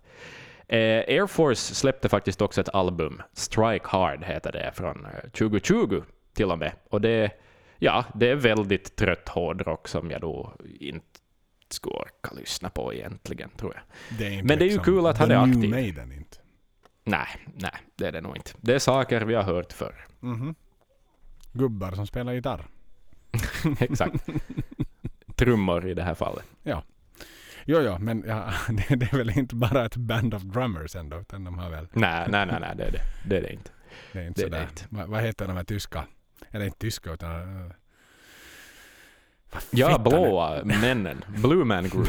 Just det. Men, ja, men jag tänker mer på den här, vad heter det här, chants liksom. Det var ju någon sån här jävla Ja, Gregor. Gregorian och grejer bara med trummisar. det hade nog varit fantastiskt. Gregorian med trummisar. En kör av Ja, trummisar. exakt. Så en pytteliten delay på alla liksom. Om jag slår virveln här så slår du den. Så det blir som en Exakt. sån här, som en flam bara att med fem gubbar som liksom. Men det finns ju de här, har du sett det här jävla jobbiga, det typ 2000 tonåringar som tillsammans spelar ACDC på någon jävla fotbollsarena i USA. Det är så jävla hemskt. Fy alltså. satan vad det är jobbigt ja. Och just Ja. ACDC av allting då. Ja. Liksom sådär. Någon musiklärare, någon vet du, 70-talist som har fått sin våta dröm i uppfyllelse. Ah, gud vad tråkigt det- alltså. Och tänk vilket rådande. vilken logistik. Ja, och all teknik, allt ska vara mickat. Och för vilken poäng? Hur, Det hur, låter ändå för jävligt. hur liksom. taggad skulle du vara som ljudtekniker och micka upp de där trummorna? Helvete. Hej, vi måste, vi måste pausa nu ännu igen åtta timmar för att lösa alla fasfel i mikrofonen. Exakt. Liksom. Men kör de ännu såhär, can I have, can I have the bass drum? Alla har sin monitorering. Också. Ja. Varenda medlem ska ha bom, sin bom. monitormix. Bom, bom, bom, bom, bom, bom, bom, bom, bom. ja, nej, men- och en tom stadion är ju ingen publik där va? Nej, nej. Det är Nej. bara för att få en viral succé. Ja, alldeles för mycket effort för det. Äh, det, nej, jag håller, då är det ju, va? Det finns, det finns inget som är förlåtligt i det där. Nej, nej, nej, nej. Jag tror inte ens att ACDC känner sig hedrade. Hej med Joel, på tal om Why. Vi är en och en halv timme in. Vad säger du om vi skulle ge sådär ungefär en timme content till i det här avsnittet i form av en intervju? Absolut. Vi kör igång. Och vem har vi snackat med? Vem har vi snackat med Joel? Men vi Berätta. har ju kört med, med Irvin Lucas som- som har skrivit en bok som heter Outside Iron Maiden. Mm. Specifikt nog så handlar den om så mycket mer än vår podd. Alltså den, Ja. den är 650 sidor och pratar om alla gubbar som nästan var en del av Maiden. Det vill säga alla de här som vi har oja och voja och som hittills. Men han Mm. har gett dem en röst. Han har träffat dem, han har varit på grillfester hemma hos dem. Han har ordnat konserter för dem. Han har till och med varit skivbolag för många av Mm. gubbarna. Och det är som sagt, en, han kan sitt fucking Maiden. Han, Det är otroligt. Det är helt absurt vad han kan. Han får Ah. oss att ifrågasätta extremt mycket vad vi har pratat om hittills i Maiden-podden. Ja. För att det finns så många andra sidor av myntet. Och, och vad vi som ju lär oss och vad vi ju också vet, om vi nu tittar sådär formellt. Vi har försökt komma i kontakt med Maiden väldigt mycket. Och det närmaste jag var, var när jag Mm. fick Instagram, alltså i så här, vad heter det, Instagram mailkontakt med, med Bruce nya flickvän då, den här franska fitnessmodellen där jag frågade att kan hon ragga upp Bruce för en intervju och hon skrev tillbaka att nej sorry att allt måste gå via management att du måste ta det den vägen då. Så, där, så det, det är vårt närmaste vi har kommit till Maiden. Men, men hur Ja. som haver så så det här han, eh, han han besitter så ofantligt mycket kunskap och mycket som kringkastar kanske att är det så att Rod som någon, jag vill se nästan Rod som en regissör av framgångssagan med den här att har han liksom bromsat in vissa saker och, och sådär. Credden, all cred ska alltid gå åt Steve när det handlar om de två första skivorna. Men det Ja. vi får, får verkligen lära oss här under, under nästa timme är att nej, så är det kanske inte. Det finns Nej, det är flera inte så kockar i enkelt. soppan. Japp. Vad hände med, med Phantom of the Opera? Vad hände med Prowler? Vem gjorde vad? Vem, vem gjorde det? Hur var det med, med Running Free till exempel? Mm. Mm, Exakt. Trummorna där. Så det är en jävla intressant diskussion vi ska ge oss in på här alldeles nu. Och jag tycker att vi välkomnar in vår gode vän Irvin Lucas. So Yeah. welcome Irvin. Uh, thank you, thank you. Nice to be uh, be on your show, guys. Yeah, Oh yeah. Thrilled. it's nice to have you. Uh, thank you. I mean, bef- before we actually d- dive into to the questions and, and the discussions that we have, how long have you been a Maiden fan?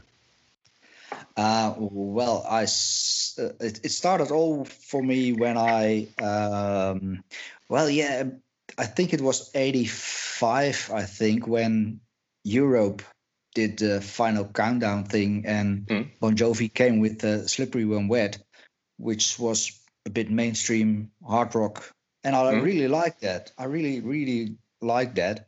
And then a friend of mine. Um, uh, he, who also liked that kind of music. He played uh, "Wasted Years" for me, Mm. and uh, after that, I kept Europe and Bon Jovi uh, in the back of my uh, uh, album uh, album cabinet, and it was Maiden for me from that moment on. Nice. So And Wasted Years was fairly fresh out of the press then. Yeah, it was really new. so it was probably uh, '86 when, when uh, yeah, it was it was a new uh, single uh, that came out then, and he played it for me, and well, that that was it for me uh, uh, right there, right then. Um, and from that moment on, I bought really all the albums. Um, Hmm. Well, I was I was 14 back then, so I didn't have a lot of mon- pocket money.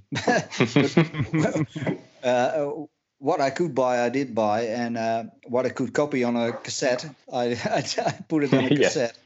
And uh, uh, the funny thing is, I know I had I had Live After Dead on a uh, uh, on a cassette, and I had a, a paper uh, paper round. I, I Mhm. did. Um, so I had a, a Walkman, a Sony Walkman, with a cassette of Life After Death, and um, it took me a few years to really buy the album. And uh, when I got the album, I noticed there was a fourth side, fourth side on it, which wasn't on my cassette. So, I Wow. li- yeah, I really had Life After Death for a few years, and then I, after that, I really, uh, when I got the album, I said, "Oh, right, there's another, uh, the, the the London part of the Life After Death uh, uh, album. I didn't have that. Yeah, that's the best part of living Yeah, yeah, before really. the internet, you know. It really, it really is. Yeah, that's cool. So the, the wasted years uh, uh, did it for me, and yeah, right now I don't think it's the best song they ever did, but well, that got me introduced into Maiden in in uh, '86. Yeah, but I mean, going from uh, Europe and Bon Jovi at the time, I think it's that song is really a sort of a, a, a gateway into Maiden, I guess. I Yeah, Yeah. yeah. my it older was, ones. It was, uh, uh, uh, yeah, it was, it was commercial back then, and Yeah. it got it got airplay on the radio. Maiden Yeah. didn't get any airplay in Holland. I don't know how it is in Norway, but it, it didn't get any airplay. It still doesn't get any airplay. No. Uh, and uh, so yeah, Europe and Bon Jovi got the airplay, and that got me in that kind of music. Yeah. And uh, well, yeah, and that got me into into into Maiden eventually. Nice. Yeah, like the approachable way. That's not Yeah. too, uh, too Yeah. you know, um, I don't know. That doesn't jump at you the same way as maybe some, some of the heavier, heavier side of Maiden would do. No, exactly. No, it was uh, a really yeah, the approachable way. Yeah, that's it. Yeah. It wasn't 2 a.m. out of X Factor. Let's put it like that. no, no, no, no, it wasn't. Listen, I mean, you were here because uh, we obviously we're gonna talk about Doug Sampson. We're gonna talk about Terry Warpman, but Yeah. you wrote a book Yeah, about about Maiden, and there are tons of books about Maiden. Some, you know, a lot of people's own perception of music and uh, all kind of different, you know, fan fiction books. But yours is really, truly unique, I would say. What what brought you the idea of yeah. Doing the this? The uh, the thing was, I um, obviously I started collecting Iron Maiden stuff, and when uh, Adrian did uh, ASAP Silver and Gold Mm. in '89, and Bruce did Tattooed Millionaire in 1990, um, I started collecting their stuff as well.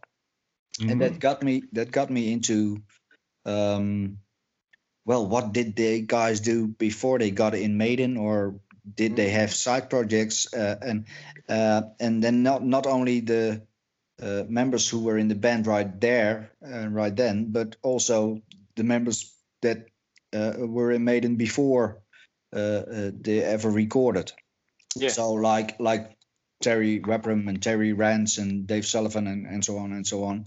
And uh, wh- wh- where did where did they go? What did they do? And um, I started looking for that, and somehow um, I started collecting that stuff, and uh, um, people started uh, contacting me by phone or by internet or email um, if the whatever tattooed millionaire album was available in japan and uh, did i know the catalog number Mm. uh, so i started writing that all down on post-it notes and stuff like that and um, it, pretty soon i got a real big scrapbook full of notes and stuff like that and i always had the idea of well i have to put that in a book somehow somewhere yeah. um, and back in 2015, 2014, I, I had a small period without a job. Mm. Um, so I got some time on my hands and said, well, let's do it now. And that's when I started writing this stuff down in a book mm, and, and not really knowing it would become this big. It's a 650 page book. It's really, it's really heavy. It's really Yeah. heavy. The, the hard It's longer copy- than the official Run to the Hills biography, isn't it? yeah, it, it, yeah, really, it is. Yeah, and uh, the funny thing is, I started uh, with part two a few years ago. Uh, I'm still busy with that. Um, I can't hang a date on it when I will release that one, but um, Hmm. Yeah, that's so much as as uh, uh, uh, uh, has been added to the that catalog since 2015. You know, um, uh, Air Force with Doug Sampson got back together. Yeah. Um, I heard about that. Yeah, due, due to the book and due to me actually. Ah. I, I can t- I can Okay. tell you I tell you tell you that story later on maybe. Uh, Yeah. But they got together. They did an uh, uh, some greatest hits album thing uh, on my record label.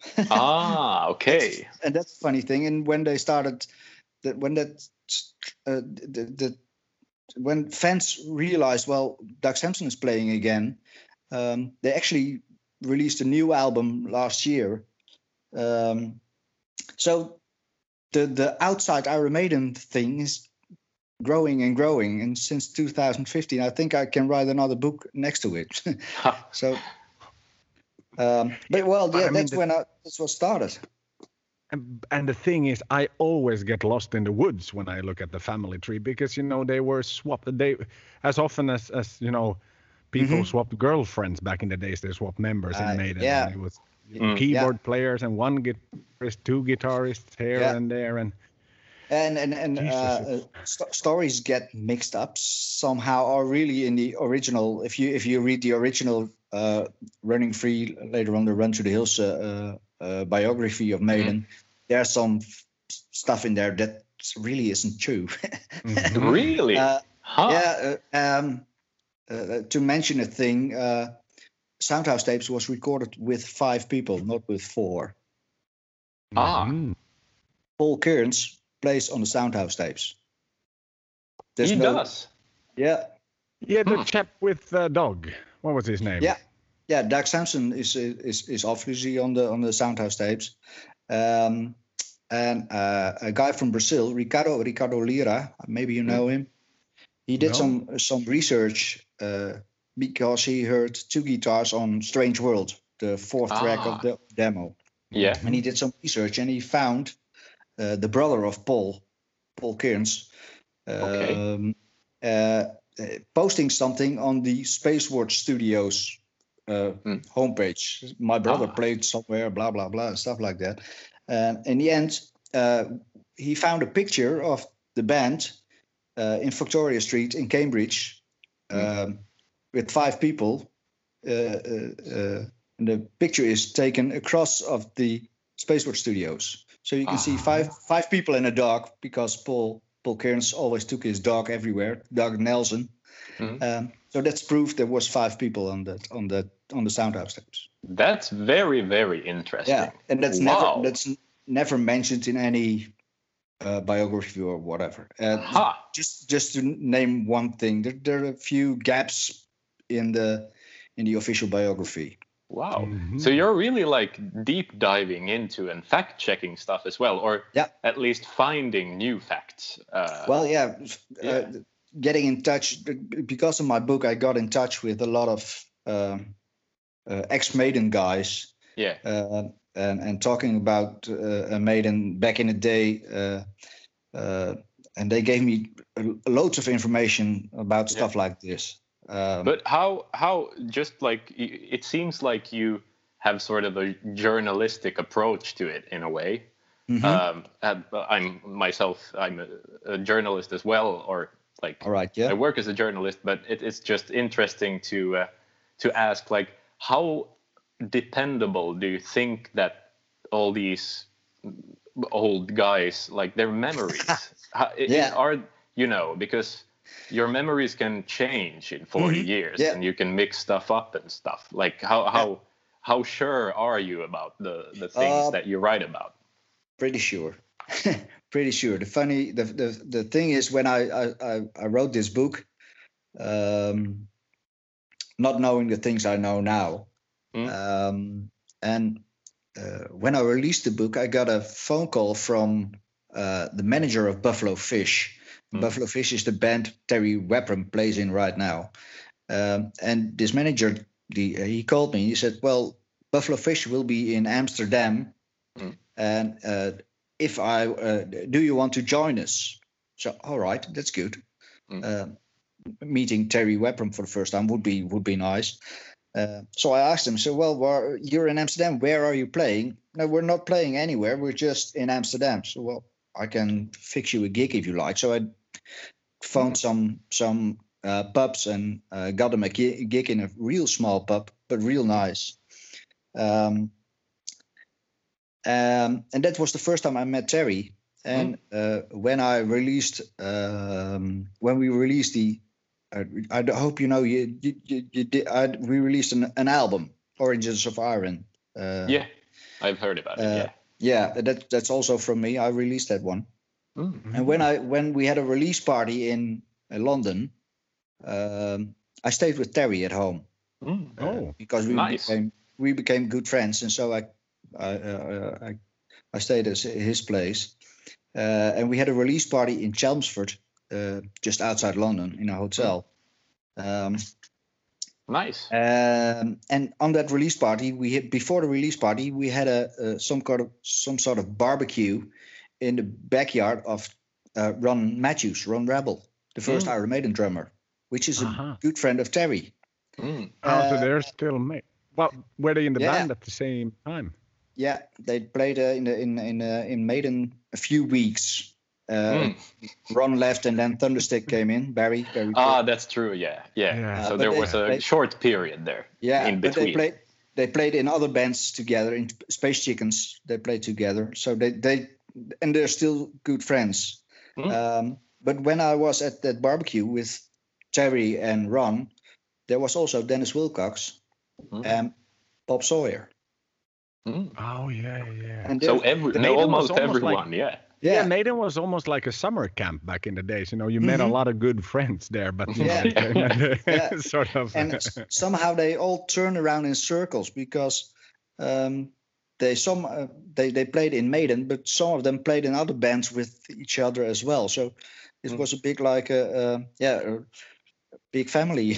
yeah but maybe at the same time this is the sign of how small the sort of metal circuits were in london back in the Yeah. days you know late 70s like Yeah. there weren't that many bands actually and probably probably people just knew each other or you Yeah, know especially- crossed paths at some that- point yeah, especially in that part of of London, East End Mm. was um, well a lot of musicians, but uh, um, uh, not a lot of pubs they could play in. So Wow. Mm. they, they all came in the same place to play. So that's when they met met each other. yeah yeah. So the uh, they played uh, cart and horses was a big thing ba- back then, um, and uh, uh, Bridge House was was uh, one of the things, and later on uh, uh, uh, the the Ruskin Ruskin Arms, yeah yeah. but but that were the places actually, and then th- that's where they all met. Um, so the, there were a lot of musicians, but they all they were all in the same place. yeah Terry's Terry's current band is called Buffalo Fish, Yes. and Paul Mario Day's current band, I think, is called Buffalo Crows. Yeah, it's not really his band. He's just a guest vocalist there. But Ah, yeah, Okay. but it's yeah, it- yeah, that's also quite, you know, yeah, yeah that's Quite pretty strange. interesting yeah yeah. Uh, that's that's pure coincidence, by the way, that they're all called Buffalo. Uh, uh, they had Buffalo in their band name. Buffalo Fish was, uh, uh, in fact, uh, when when they uh, founded the band Buffalo Fish, it was called Rhino. okay uh-huh. Um, but they skipped that name because there were too much rhinos. Um, Ah. And Terry said, "Well, yeah, there's too much rhinos, not the animal, but the but the name." And Cruel joke. cha- yeah. So that, and that's Yeah, when no. they changed they changed it to Buffalo Fish. And that was according to, you know, speaking of band names, uh, according to Steve, why Dog was employed by Maiden as well, because back in the days with Smiler, he was Dog was always smiling, so we kind of saw that as a good Mm. fit, according at least to the original biography. So, but now we sort of we have to look at that differently from here on out. Yeah, because that Doug wasn't the first drummer uh, in Smiler, so uh-huh. doesn't make any sense. Actually, when Steve Harris uh, joined Smiler, uh, drummer, the drummer was Paul Sears, and Paul Mhm. Sears was also the drummer in Gypsy's Kiss yes and Influence.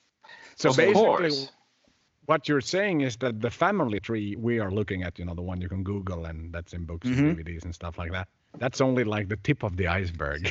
Uh, it's a it's a bit more The extended than forest that. is a lot- Yeah, exactly. Yeah, the yeah. forest is go- a lot Yeah, deeper than that.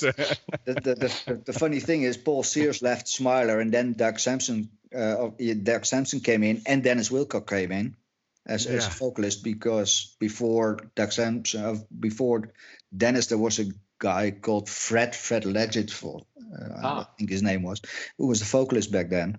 yeah Um, Paul Sears left, Doug came in, and and when Maiden was playing, I think it was 76, 77 with Dennis Wilcox and uh, Bob Sawyer, the same Paul Sears became their first manager. So he was the real first manager of uh, of Iron Maiden. oh, wow Yeah, I don't know if you there, there's um, uh, advertisements with the the back in '77 with Iron Maiden, and then the, the the mouth with the tongue coming out, and a Yeah. phone number. Uh, uh, it's, it's a phone number on that advertisement. That's the phone number of Paul Sears.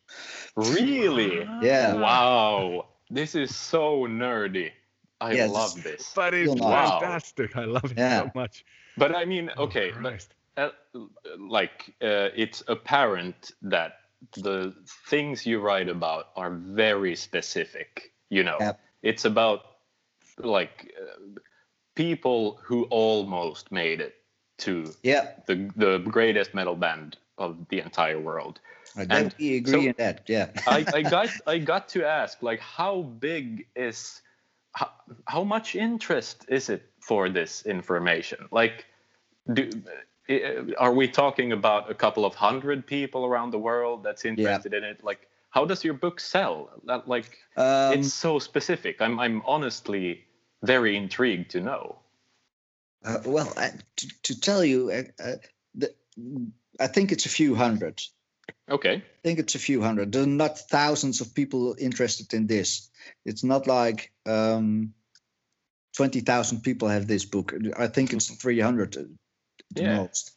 Um, and I sold a lot of the, it in uh, Brazil, Mm. actually. Ah, okay. The most diehard Brazilian fans. Yeah, it's a, put Iron Maiden on it and they will buy it. Really, it's, it's really true. They they, they are uh, really really fanatic in that. It's, Yeah. it's it's funny.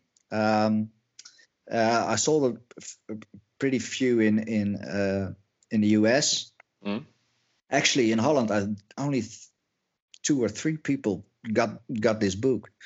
Uh, Mm. apart from me. But um, well, yeah, and then Scandinavia, uh, Norway, Sweden, Denmark.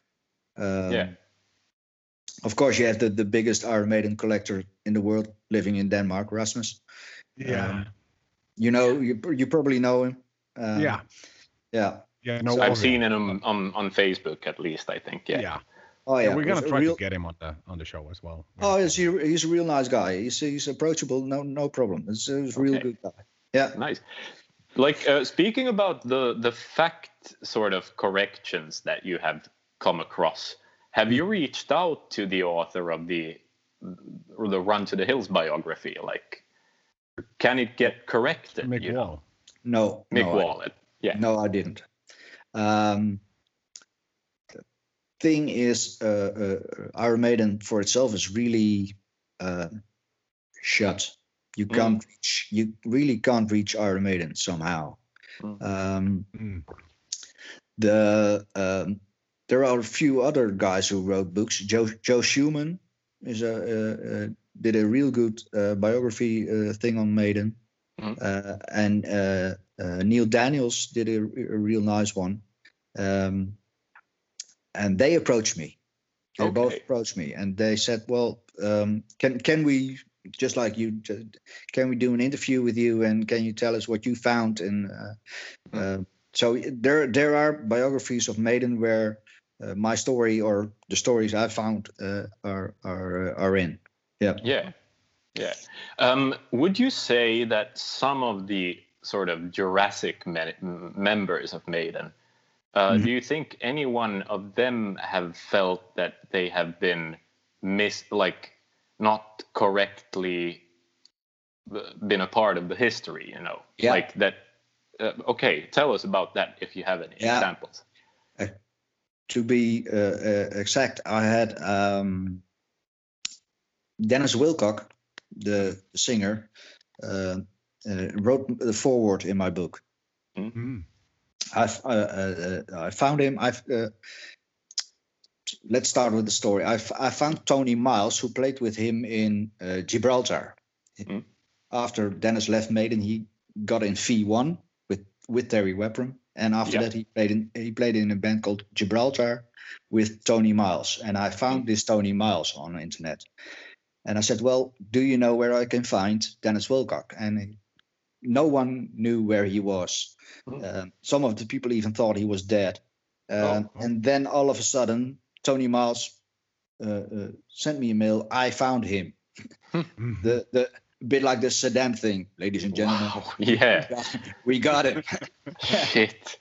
um, and um, um, he wrote the forward in my book, and he's not uh, even in my in the forward. He's not really uh, friendly with Maiden Hmm. there Mhm. uh, because he f- felt he was uh, uh, well. He, he he didn't get the credits for what he did. That's what Okay. it was. Um, but If I He got- sort of recall him from the books, I mean, basically the Mhm. way I see it is he's a Kiss wannabe singing Iron Maiden. That's Yeah, kind of yeah. the picture I have. yeah, and and and and he had the name for uh, splitting bands up. Uh, he, is, Mm. he he was the one that sacked Dave Murray in the first place and Bob Sawyer and Yeah. stuff like that. Yeah. Um, well, not really a true story again, but well, there's there's not not really not all true. There's some Mm. truth in there. But it's not the full story. Yeah, but there's always sides to stories. Yeah, you know, and, exactly. and you all- you you can only trust their words yeah. and and fu- make sort of yeah, Yeah. you know. So, but the, the funny thing is, uh, uh, Dennis got back in the picture again because of this, um, and he got with Terry Wepram again, and uh, he refounded Fee One. Mm, Mhm. Uh, nice. They they even did an album, um, and just after they released, It's the Armageddon something. yeah, that's it. Yeah. And That's just the one. after just after they released the album, he sued Steve Harris and Dave Murray for uh, uh, he, he he had the credits. He wanted the credits for Prowler and Charlotte the Harlot. Ah, Um, And Uh, Dave is obviously the sole writer officially. yeah. Yeah. Both songs. yeah. Um, huh.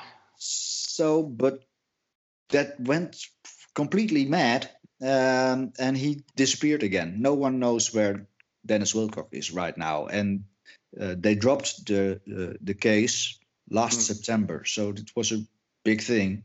It was a million dollar thing, and uh, uh, but, but Dennis is back in uh, in the dark again. He's, he's no one knows where he is. Uh, uh, he stepped out of V1, so V1 got abandoned again. Oh, Um, really? And Dennis is Yeah. gone again. Huh.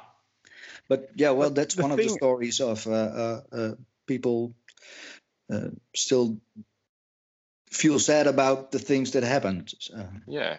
the thing the, the impression i get you know youtubing around googling around and finding all these interesting interviews from from quite recent times uh, my impression is that everyone sort of kept to music somehow and obviously you know where there's a chance they can always claim that they were a part of maiden and that sort of sells Yeah. like you said but was anyone you know did anyone get a haircut and got a real job so to say sort Mm.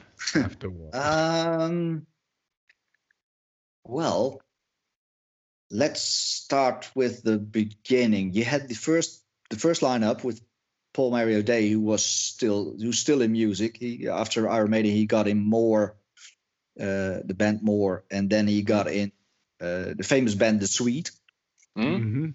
and Mm. then he then he uh, moved to Australia where he did different bands and stuff like that. So he's he was in music. He had a job next to music because he couldn't live it, but he was still in music.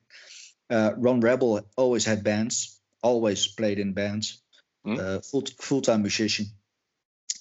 Uh, Terry Rance uh, has a job, but is still in bands and makes music still to the to today. Mm. Um, Dave Sullivan is uh, became very rich Oh. uh, by uh, he had holiday parks, stuff like that.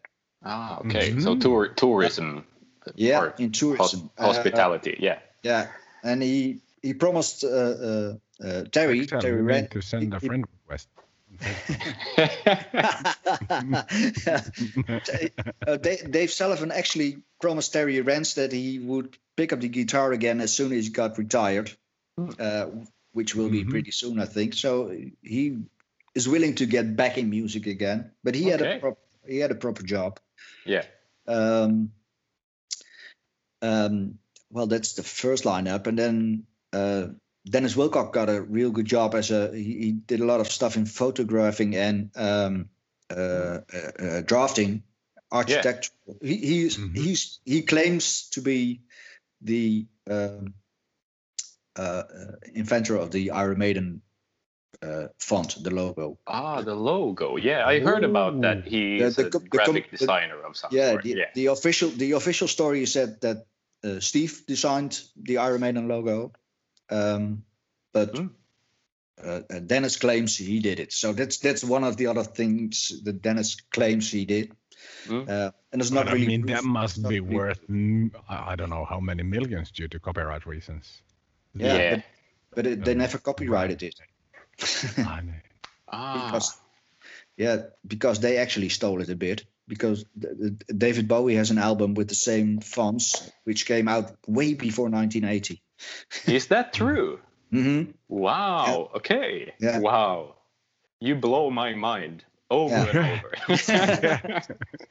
Yeah, you need to be a Uh, regular on the show. oh yes oh, well you, you can ask me again if you like uh, yeah, definitely. um, well bob sawyer still makes music a lot he plays in he plays in lots of bands Hmm. um, well what do we have thunderstick still plays in, in in lots of bands he, he wasn't called thunderstick when he played with maiden but uh, Hmm. Uh, he was barry barry he, Perkins, still, barry he still Very- gives very- away Ides of March as gifts to other band, I guess.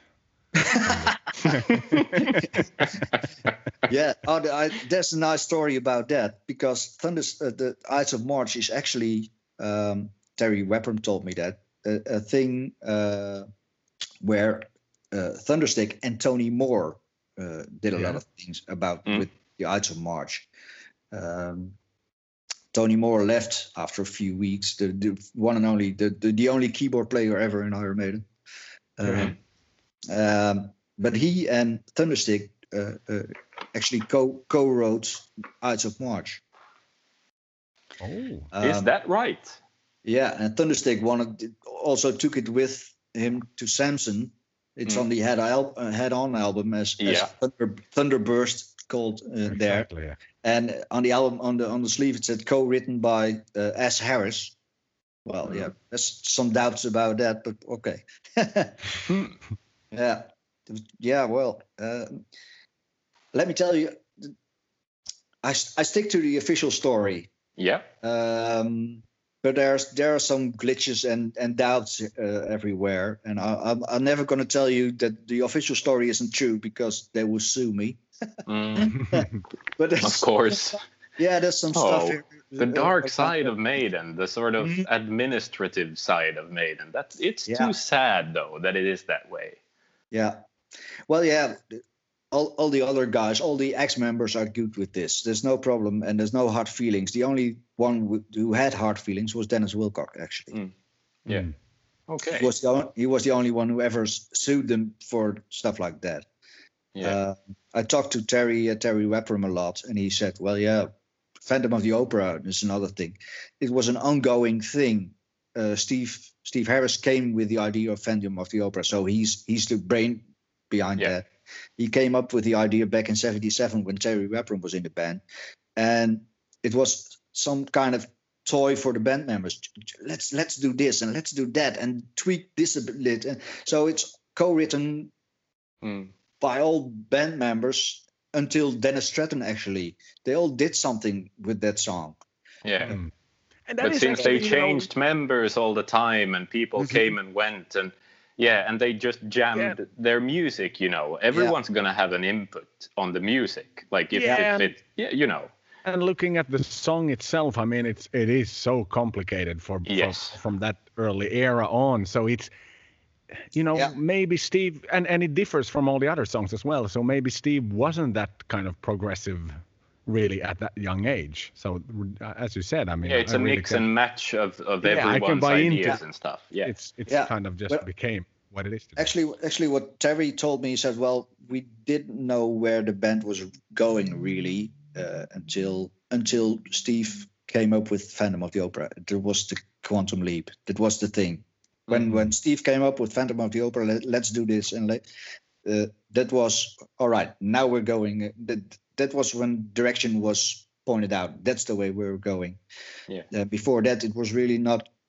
What are we going to do? Blues rock, rock, hard rock, heavy metal Yeah. stuff. And from that moment on, it was uh, that's the direction. This this is what we're going to do. yeah, yeah. So s- the, the Phantom of the Opera back in '77 was really the pinpoint where Maiden was going. Yeah. That's what Yeah. Terry Terry Rappin told me. Hmm.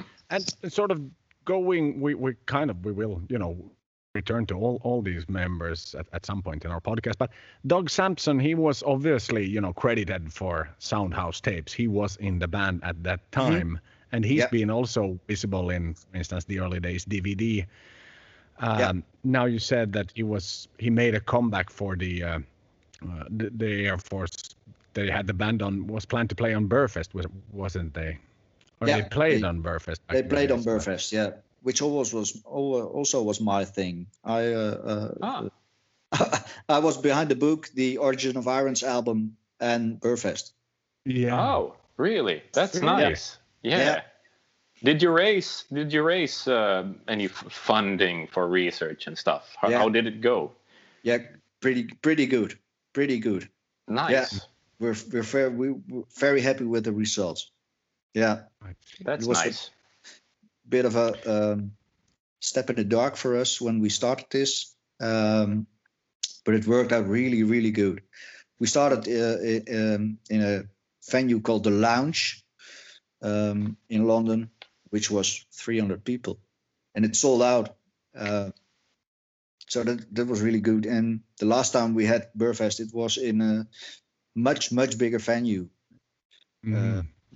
and it was almost sold out. So we we we did good stuff there. Yeah. Nice. Anything planned for post COVID? Um, well, I uh, due to personal reasons, I stopped uh, with the Burfest thing. Mm. Uh, there was a lot of time going in there, and uh, I, I- stopped. But uh, my partner in in crime, uh, Andy Andy Holloway, uh, he uh, he got on with the with the thing, and I know there was a Burfest planned in Paris uh, in 2020. Um, and it's probably going to be 2021 or 2022. But Mhm. uh, I, I know they will expand to not only London but also Paris. And ah, um, I know the first Burfest we did, there was some guy from uh, Brazil there. Oh. And he said, "Well, I want to do this in Brazil." Um, so you never know. Nice. You yeah. never know. Wow. An Yeah. international phenomenon. The Burfest Yes. has become. Yeah, quite yeah. interesting. Uh, It wasn't like Ides of March. Paul Diano's last show is supposed to be on Burfest as well. Uh, no, there, think. there was another. There was another festival. There was another, Okay. festival Another in- festival. in in Bromsgrove, I think it was. The I, don't- the, I can't remember the name of the festival. Hmm. Um, the funny thing is, um, I just read it. Um, it was announced by the festival as the last ever gig with Paul Diano, and then he Yeah. retired. And uh, there's a interview in Rock Hard magazine of this month, in the German Rock Hard magazine, Mm. where he says, "Well, that's bollocks. That's not my last gig. I will go on, and when I when I, when I can and when will when I will be able, uh, after my knee surgery, I will uh, uh, go on gigging if I can get a band together again." So, Mm. Okay. you never, but yeah, Paul is a character. You never know. No, no. yeah. no. he's a, he's real, he's a real nice guy when he's in a good mood. Really, he's a real nice guy, but don't get him cranky. Imagine that. I can imagine that. But but I mean, again, like Dog, again, he has a bit of a. He's Yeah. been like we said in in DVDs, and he seems to be a, like a real kind of stand up type of guy. My impression is Mm. at least, and he, you know, he took to, he quit the band, so he wasn't laid off or anything no, like no, due no, no. to In fact, health in fact, reasons. I understand. mhm. he uh, he was asked for Maiden a few times. Um, he was asked to be the first drummer. Oh, Mhm. Steve Har- Steve Harris started uh, Iron Maiden uh, after he left Smiler. He Mm. asked Doug to join him, Mm. but Doug was a bit fed up with the music stuff, and uh, he declined the, the the the gig. He said, "No, Oh. not not going to do it." And that's when Ron Rebel came in as the first uh, first drummer. Uh, so that was the first time Doug could have been in Iron Maiden. Um, when Ron left, he was asked again, um, and he still didn't want to do it. Uh, but he said to Steve, "Well, look at this guy, Barry Purkis. Mm. He's nice. He's a nice drummer." And that's when Barry came in, and Mhm. Doug still stayed out. Um, and then when um, I think it was the last gig ever Dennis Wilcox played, Mm. uh, Thunderstruck didn't uh, uh, show up. Mm. Uh, and who was in the audience? Doug Sampson. Mm. Yeah, yeah. So he played. I think he played the ever last ever gig Dennis Wilcox did with Iron Maiden Okay. with Doug Mm. Sampson on drums. Um, and that's when he he came in. Um, obviously, uh, Thunderstick left. Uh, Terry was gone. Terry Webber was gone. Dennis Wilcox didn't show up the next gig, so he was gone. And that, then they were back to a three-piece. There's only Dave Perry, Doug Sampson, and Steve Harris. Mm. That's that was April 1978, I think. Yeah, April, and they stayed uh, that way until uh, November 78. Okay. When Pretty long time. Yeah. yeah, they Steve bumped into uh, a guy who knew Paul Diano and in in the Red Lion pub in in in uh, in London. Yeah. And that's Wow. when he found uh, uh, Paul. Imagine to to you know hear Iron Maiden as a three piece. You know how Yeah. did their rep you know rehearsals sound? Yeah, I can't they, even they, ne- they never imagine. played as yeah, they never played as three piece, but they only did rehearsals uh, back then. Yeah. Yeah, Wow. That's There was a gig when interesting. though. when Yeah. Steve was singing that one time, Yeah. wasn't it? there actually there are two two gigs with Steve singing. really? Or yeah, there's one gig. Uh, uh, they're recorded. It's recorded actually. There's a bootleg uh, in I think it was Wakefield. Mm. They played um, and uh, Paul lost his voice. Mhm. He was he was sick. He lost his voice, and Mm. so Steve Steve was singing the whole gig. And there is the uh, gig in the I think it was the Swan, Mm. um, when uh, it was the first or second gig uh, Rod, uh, Rod uh, Smallwood was looking at, Mhm. uh, where he, Paul got arrested for carrying a knife. Mm. Uh, so he got arrested, um, went to the police station. Uh, when they let him out, he run ran back to the venue and he actually sang the last two or three songs, and the Mm. rest uh, uh, Steve Harris did did sing. Mm. So there's actually two gigs with Steve Harris singing. Okay. Wow. And, and I'm and looking at these kind of you know really in and out members like Terry Warpman was in the band for was it I think must have been eight months or something like that. Yeah, sim- I think it was a bit longer. The, the official story says it was around eight months. I think it was uh, around 14 or 15 months. Ah, Okay. okay, so well over a year. But anyway, I mean, he didn't really do kind of a big footprint in terms of, well, I mean, again, No, I can no, only relate to yeah, the official not- not- Not Yeah. not not by the official standards. No, he didn't. Um, well, yeah, he he he did some stuff for uh, well, I said Phantom. Um, um, Terry actually pointed out, so well, this this bit of guitar is is from me. Uh, uh, uh, but well, yeah, that's that's that's a thing. But um, the the the thing is, Iron Maiden was a a, a progressive thing from start from 1975 when they started. yeah. Mm, So all band members who played from that era until 1980 did a contribution somewhere somehow. yeah. Um, that's it. Of course. Of course. I mean, that's only natural, isn't it? Yeah. It's easier to tell the story that a few people made their mark on the sound of Iron Maiden, That's- but I mean, in reality, it's it's going to be more of a organic sort of Yeah. Teamwork, It. That's you it. know. Yeah. Yeah. That's it. It's just makes same thing- total sense, you know. Yeah, the same thing when um, uh, running free. You had the, the the the drum roll at start. Yeah. yeah. uh, is just a, a, a thing Doug Sampson used to do as a warm up. So he invented the, the Mm. the drum thing on Running Free. Never got credited for it, Ah, but, but that's such they an did. iconic, you know, drum riff. Almost. Yeah, it's one yeah. of those. Oh, yeah. You know that one. You know. Yeah, and it's and it's a warm up thing Doug Sampson used to do. Mm. Wow. Yeah. So that, a lot of things. Um, But they don't get to say that on the official early wor- No. early days DVD. no, the same as No. Sanctuary. That gets cut away.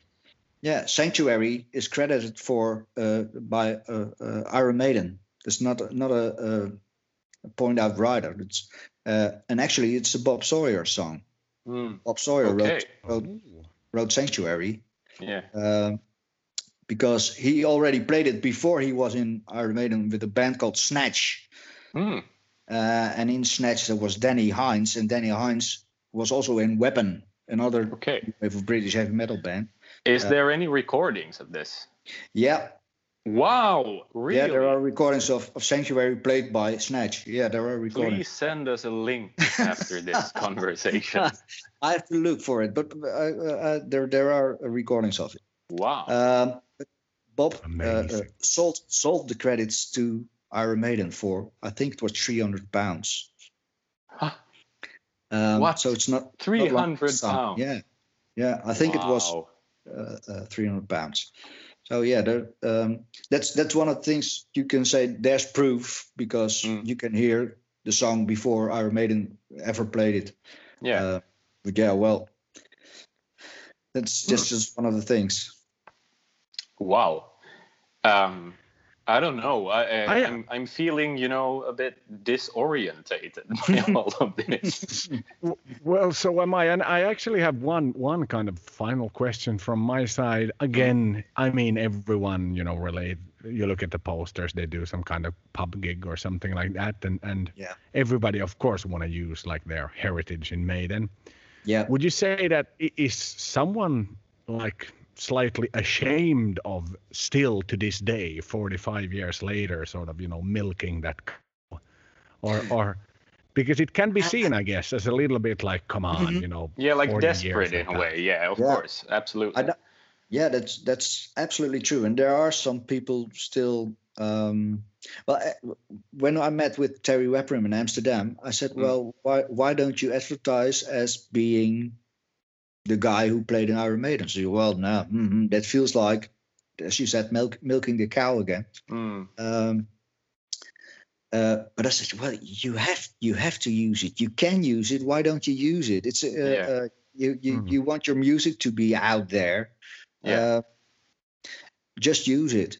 Don't don't abuse it. That's another thing. yes, of Uh, course. yeah, Of course, that's true. Yeah, there's a difference.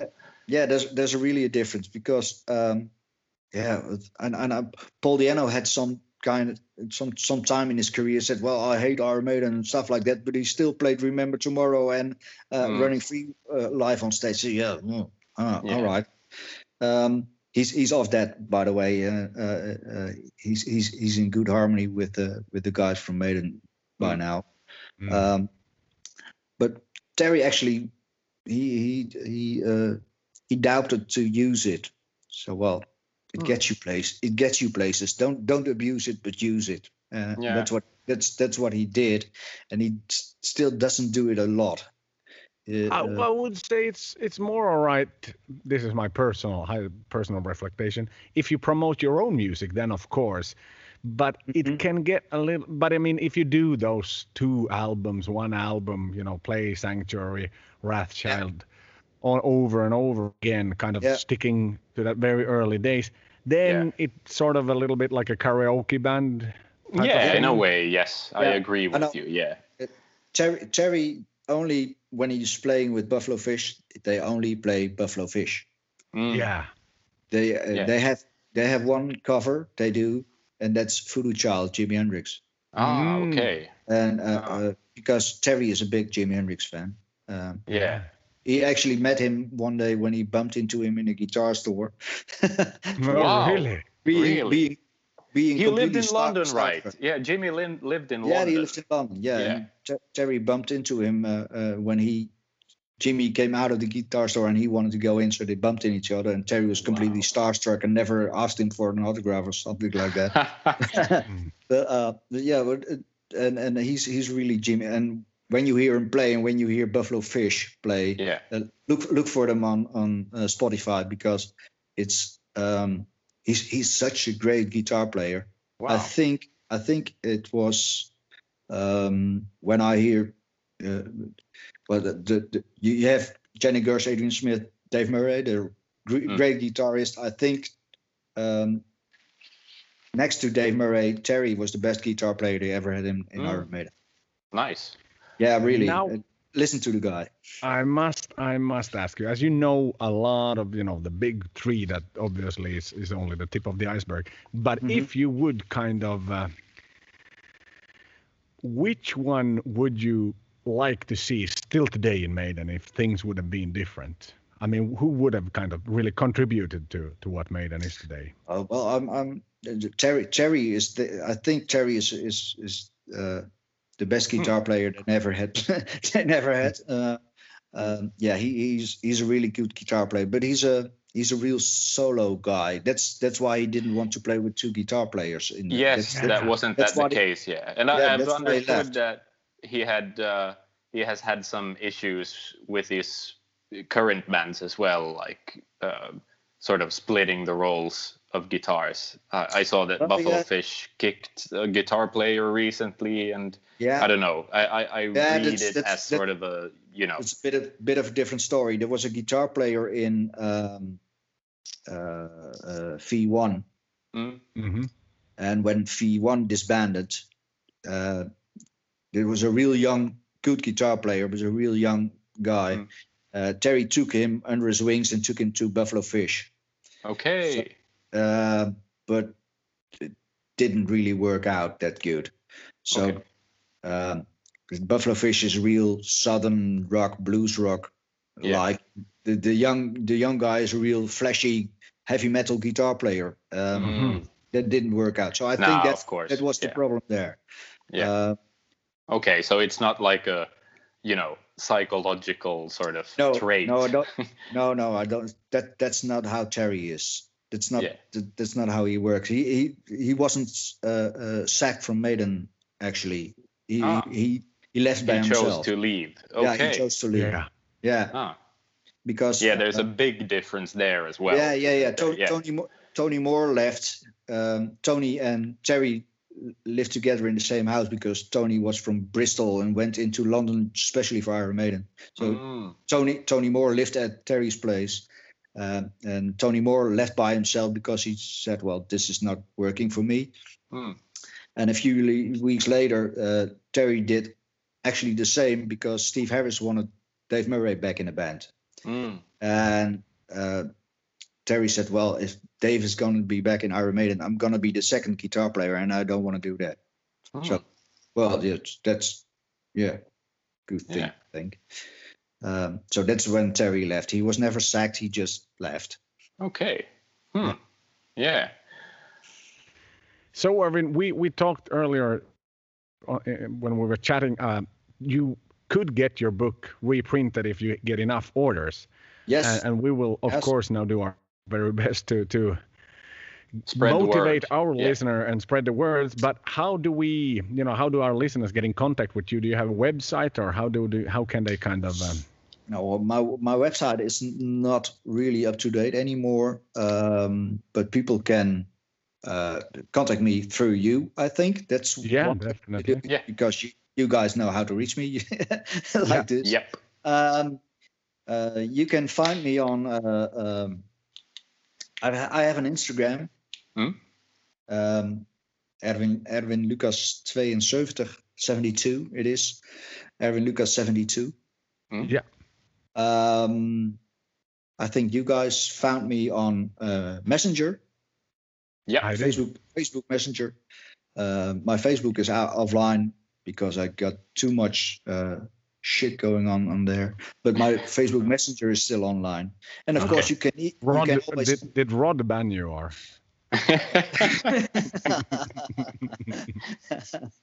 and of course you can always email me, and uh, uh, I can get you my email address if you like. And you're like uh, you're like Donald Trump in the Maiden world. You know, you get banned from social media.